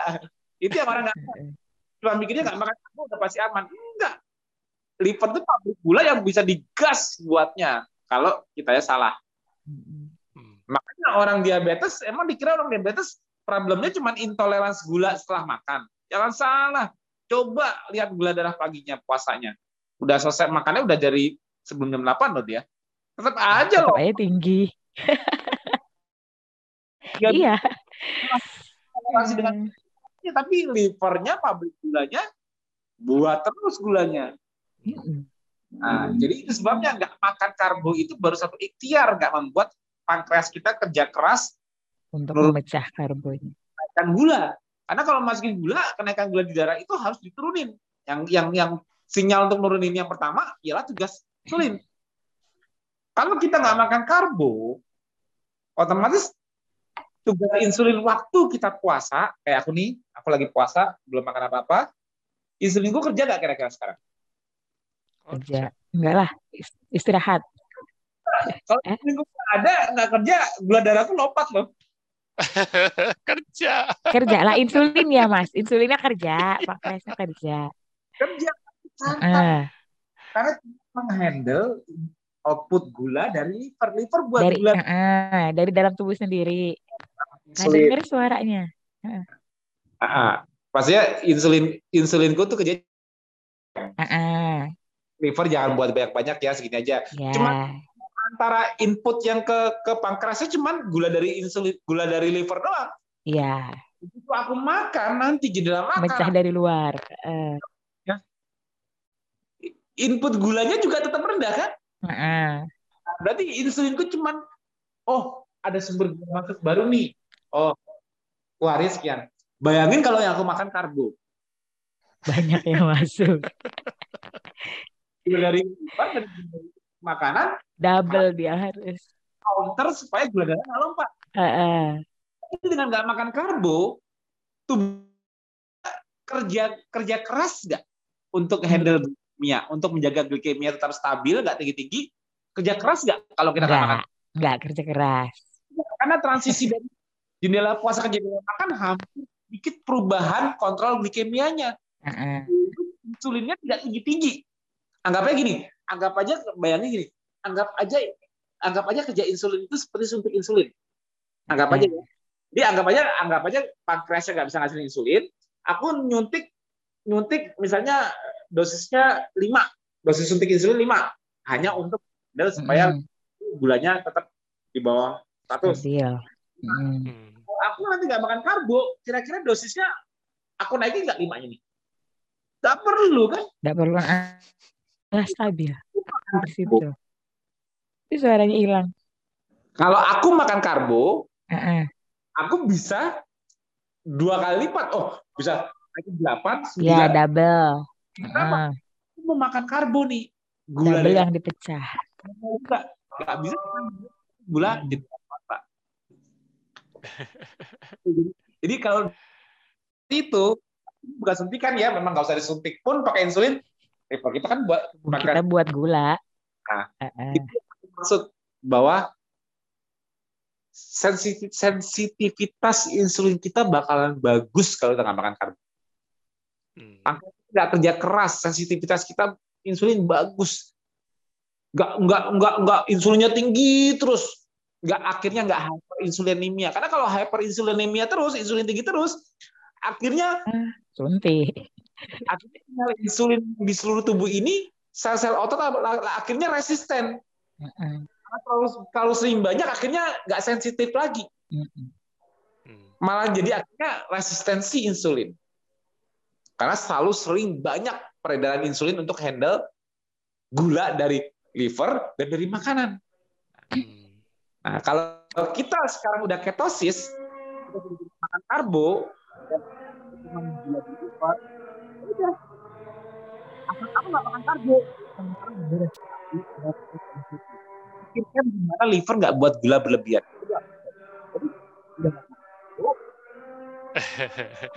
Mas, Mas Tio, suaranya Mas Tio bersaing sama itu azan. Samar-samar suara Mas Tio hilang-hilang gitu. Oh. Enggak, belum aja. Suaranya Mas Tio ke bawah-bawah. Tadi salah aku pakai headset tapi deket salah. Iya, ya Allah. Ini ini suara background dari Mas Tio kan? Bukan. Oh bukan. Oh berarti dari ini Mbak Rida. Enggak ada, enggak ada suara di sini. aku kok denger ini, aku kok denger azan. Uh, aku juga denger. Iya, dari Mas Tio berarti. Enggak, enggak belum aja di sini. Oh belum. Belum. Ada azan tadi.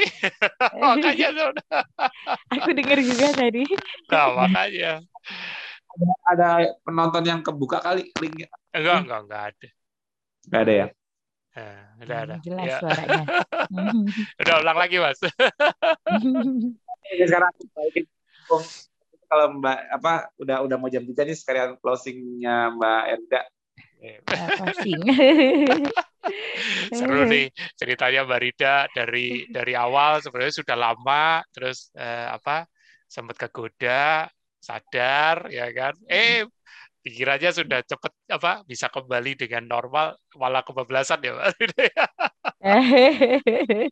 malah malah sempat anu malah adaptasi pas bareng sama covid. Iya. tapi setelah setelah hibernasi ya, puji Tuhan sudah kembali ini. Moga Mbak Rida closing statement kita pas menjelang uh, apa ini jam 3 silakan. Okay uh, paling closing statementnya itu eh, KF itu gaya hidup yang anti ribet banget kalau menurut saya ya. Anti ribet simple banget mudah banget dan gitu. Apa ya uh, bener-bener yang sesuai banget sama fitrah. Kalau saya bilangnya gitu ya sesuai banget sama fitrahnya manusia gitu loh diciptain sama Tuhan itu udah uh, pola hidup ini tuh udah udah sesuai banget gitu sebenarnya gitu. Dan uh, kalau mau jalanin KF itu tadi ya balik bener-bener pahamin dulu gitu loh. Uh, kemudian tekadnya dikuatin. Karena memang kalau nggak kuat tekadnya biasanya di Udah. tengah jalan berhenti. Uh, kayak kemarin tuh teman-teman yang dimentorin juga ada yang kena COVID, ada yang mau ikut. Biasanya kalau niatnya belum lurus, uh, mundur teratur. Jadi semangatlah berKF para warrior, bukan buat bukan buat cantik, bukan buat langsing tapi buat sehat gitu. Cantik hmm. langsing hmm. itu bonusnya doang gitu loh. Hmm. Tapi efek sehatnya itu yang luar biasa buat kita jadi lebih mudah lah, lebih mudah beribadah gitu ya lebih enak ngejalanin hidup, enjoy. Dan yang pasti mudah banget gaya hidup yang paling mudah menurut saya. mudah banget gitu, nggak ribet lah urusan makan juga nggak ribet, nggak ada makanan juga puasa juga nggak apa-apa gitu kan ya. nggak ribet. Mbak Erika, Erika bisa menjalani bertahun-tahun pola yang sama karena mudah kan, bukan karena susah kan? Iya, karena mudah, Mas ada nggak pola lain yang ya, pola capek-capeknya aku pulang praktek pulang kerja atau apa dadar telur aja selesai. Ya, mbak apa, apa dulu sebelum KF dia apa gitu? Aku nggak tahu yang bisa sampai selama ini ada nggak? Nggak ada. Buah Dan? aja sebentar. Kemarin buah sempet kan mas yang aku memang buah buah buah buah gitu ya. Padahal aku suka buah gitu loh. Kalau dipikirkan aku suka buah ya. Dari dulu aku senang buah. Tapi nggak nggak nggak lama. Akhirnya nggak lama. Karena memang ya itu nggak ngerasain kalau aku ya bilang nggak ngerasain efeknya ke badannya aku gitu. Nah pas yang ketuk ini dari yang satu bulan aja yang masalah haid itu tuntas waktu itu ya gitu. Aku nggak ngerasain. Cuma aku uh, belajar kembali ke sini itu akan datang kalau hiperstres. Maksudnya kalau pikiranku nggak nggak nggak tenang, rasa sakit ketika haid itu bisa muncul. Nah itu dia yang aku perhatiin makin ke sini gitu loh. Nah kalau kemarin yang itu tuh memang, iya mas? Maksudnya jadi penting kan? Ternyata nggak cuma makanan doang ya. Ternyata hmm. bisa mempengaruhi ya. Iya betul. Dan it, dan ternyata itu faktor faktor paling utama sebenarnya tuh stres uh, stres pikiran bukan stres makanan. Istilahnya kalau kecolongan kecolongan dikit efeknya tuh nggak yang sampai kayak kecolongan stres pikiran kan mas? Ternyata aku buktiin gitu loh. Tiga bulan aku terkapar gitu kan. Kalau paling kecolongan-kecolongan dari makanan paling ada diare kan kepala doang gitu loh. Nggak yang sampai asam asam lambung, anxiety dan bla bla jantung berdebar itu keluar. Ternyata kalau pikiran itu ya ampun luar biasa. Jadi memang pengontrolan pikiran itu tetap yang harus jadi utama dan pertama. kalau kadang kan kita ngeributinnya makanan kan Mas gitu loh. Padahal bukan makanan yang harusnya diributin. Makanan simple kok gitu loh.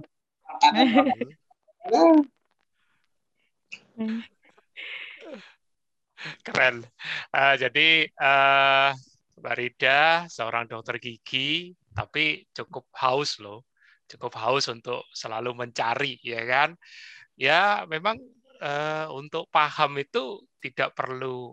Aku tidak bilang kompetensi itu penting. Penting sih ya kan? Kalau ada kalau ada kesempatan bisa belajar secara resminya itu jauh lebih bagus. Tapi memahami secara esensialnya nah itu yang tidak semua orang bisa ya kan? Apalagi ajari iya ngajari juga kalau nggak mudah ya mas. Tapi tapi sukses loh buat dokter gigi sukses loh. Ilmunya jadi meningkat juga kan kenapa mas?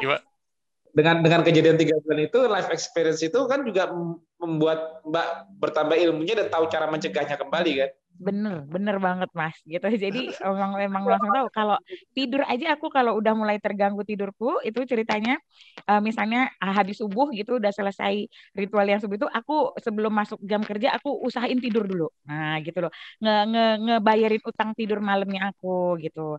Itu wajib banget sekarang. Pokoknya tidur tuh nggak boleh yang kurang lah kalau aku mas karena udah ngerasain banget kemarin efeknya itu ya ampun. ampun banget. Aku paling mencermati kalau misalnya Mbak Rida punya, masih punya mimpi bisa donor, pesanku satu, ya udah hmm. bikin aja nggak tidur dulu supaya tensinya naik. Tapi ini cuma buat Mbak Rida bukan buat yang lain. Aduh, thank you Marida. Ini uh, dari Kepri ya kan, uh, cukup bagus uh, ini testimoninya, sharingnya dan puji Tuhan sinyal juga tidak ada kendala ya. Thank you untuk Mbak Rida. Mas Tio, uh, thank you juga yang terus ini mendampingi, nggak capek-capeknya memberi pencerahan ya kan makin makin pandai sekarang mengawamkannya. nah, dia memang aku karena aku udah bilang sama Mas Budi kemarin kalau aku itu kan kemarin cerita kalau Mas Budi dulu pernah mengalami kayak gitu gara-gara apa? Selalu Mas pengen punya kontrol. Uh. Kontrol sesuatu begitu kehilangan kontrol jadi kepikiran, bawa pikiran gitu kan? Iya, betul. Atau kayak gitu Mas. Justru aku malah nggak mau punya kontrol. Jadi ini. Lebih suka TFA gini kenapa? Aku nggak nggak ada nggak ada nggak belajar apa apa apa langsung lulus. Jadi aku mau mengeluarkan apa aja ya jalanin aja TFA-nya tiba-tiba aku nggak tahu ilmu apa yang mau aku share ya besok ya? Ya kayak gini secara slow played by ear. Maksudnya ya udah jalan aja. Tiba-tiba nanti ada aja ilmu yang muncul. Itu aku bilang. Jadi yang aku lakukan dengan TFH ini juga aku lakukan dengan hidupku sehari-hari. Jalanin aja hidupku. Ada masalah apa kerjain aja dulu masalahnya. Di solving saat itu juga aku nggak mau kepikiran nggak mau nggak mau punya kontrol. Aku nganggap ya usaha abis itu berpasrah. Dah.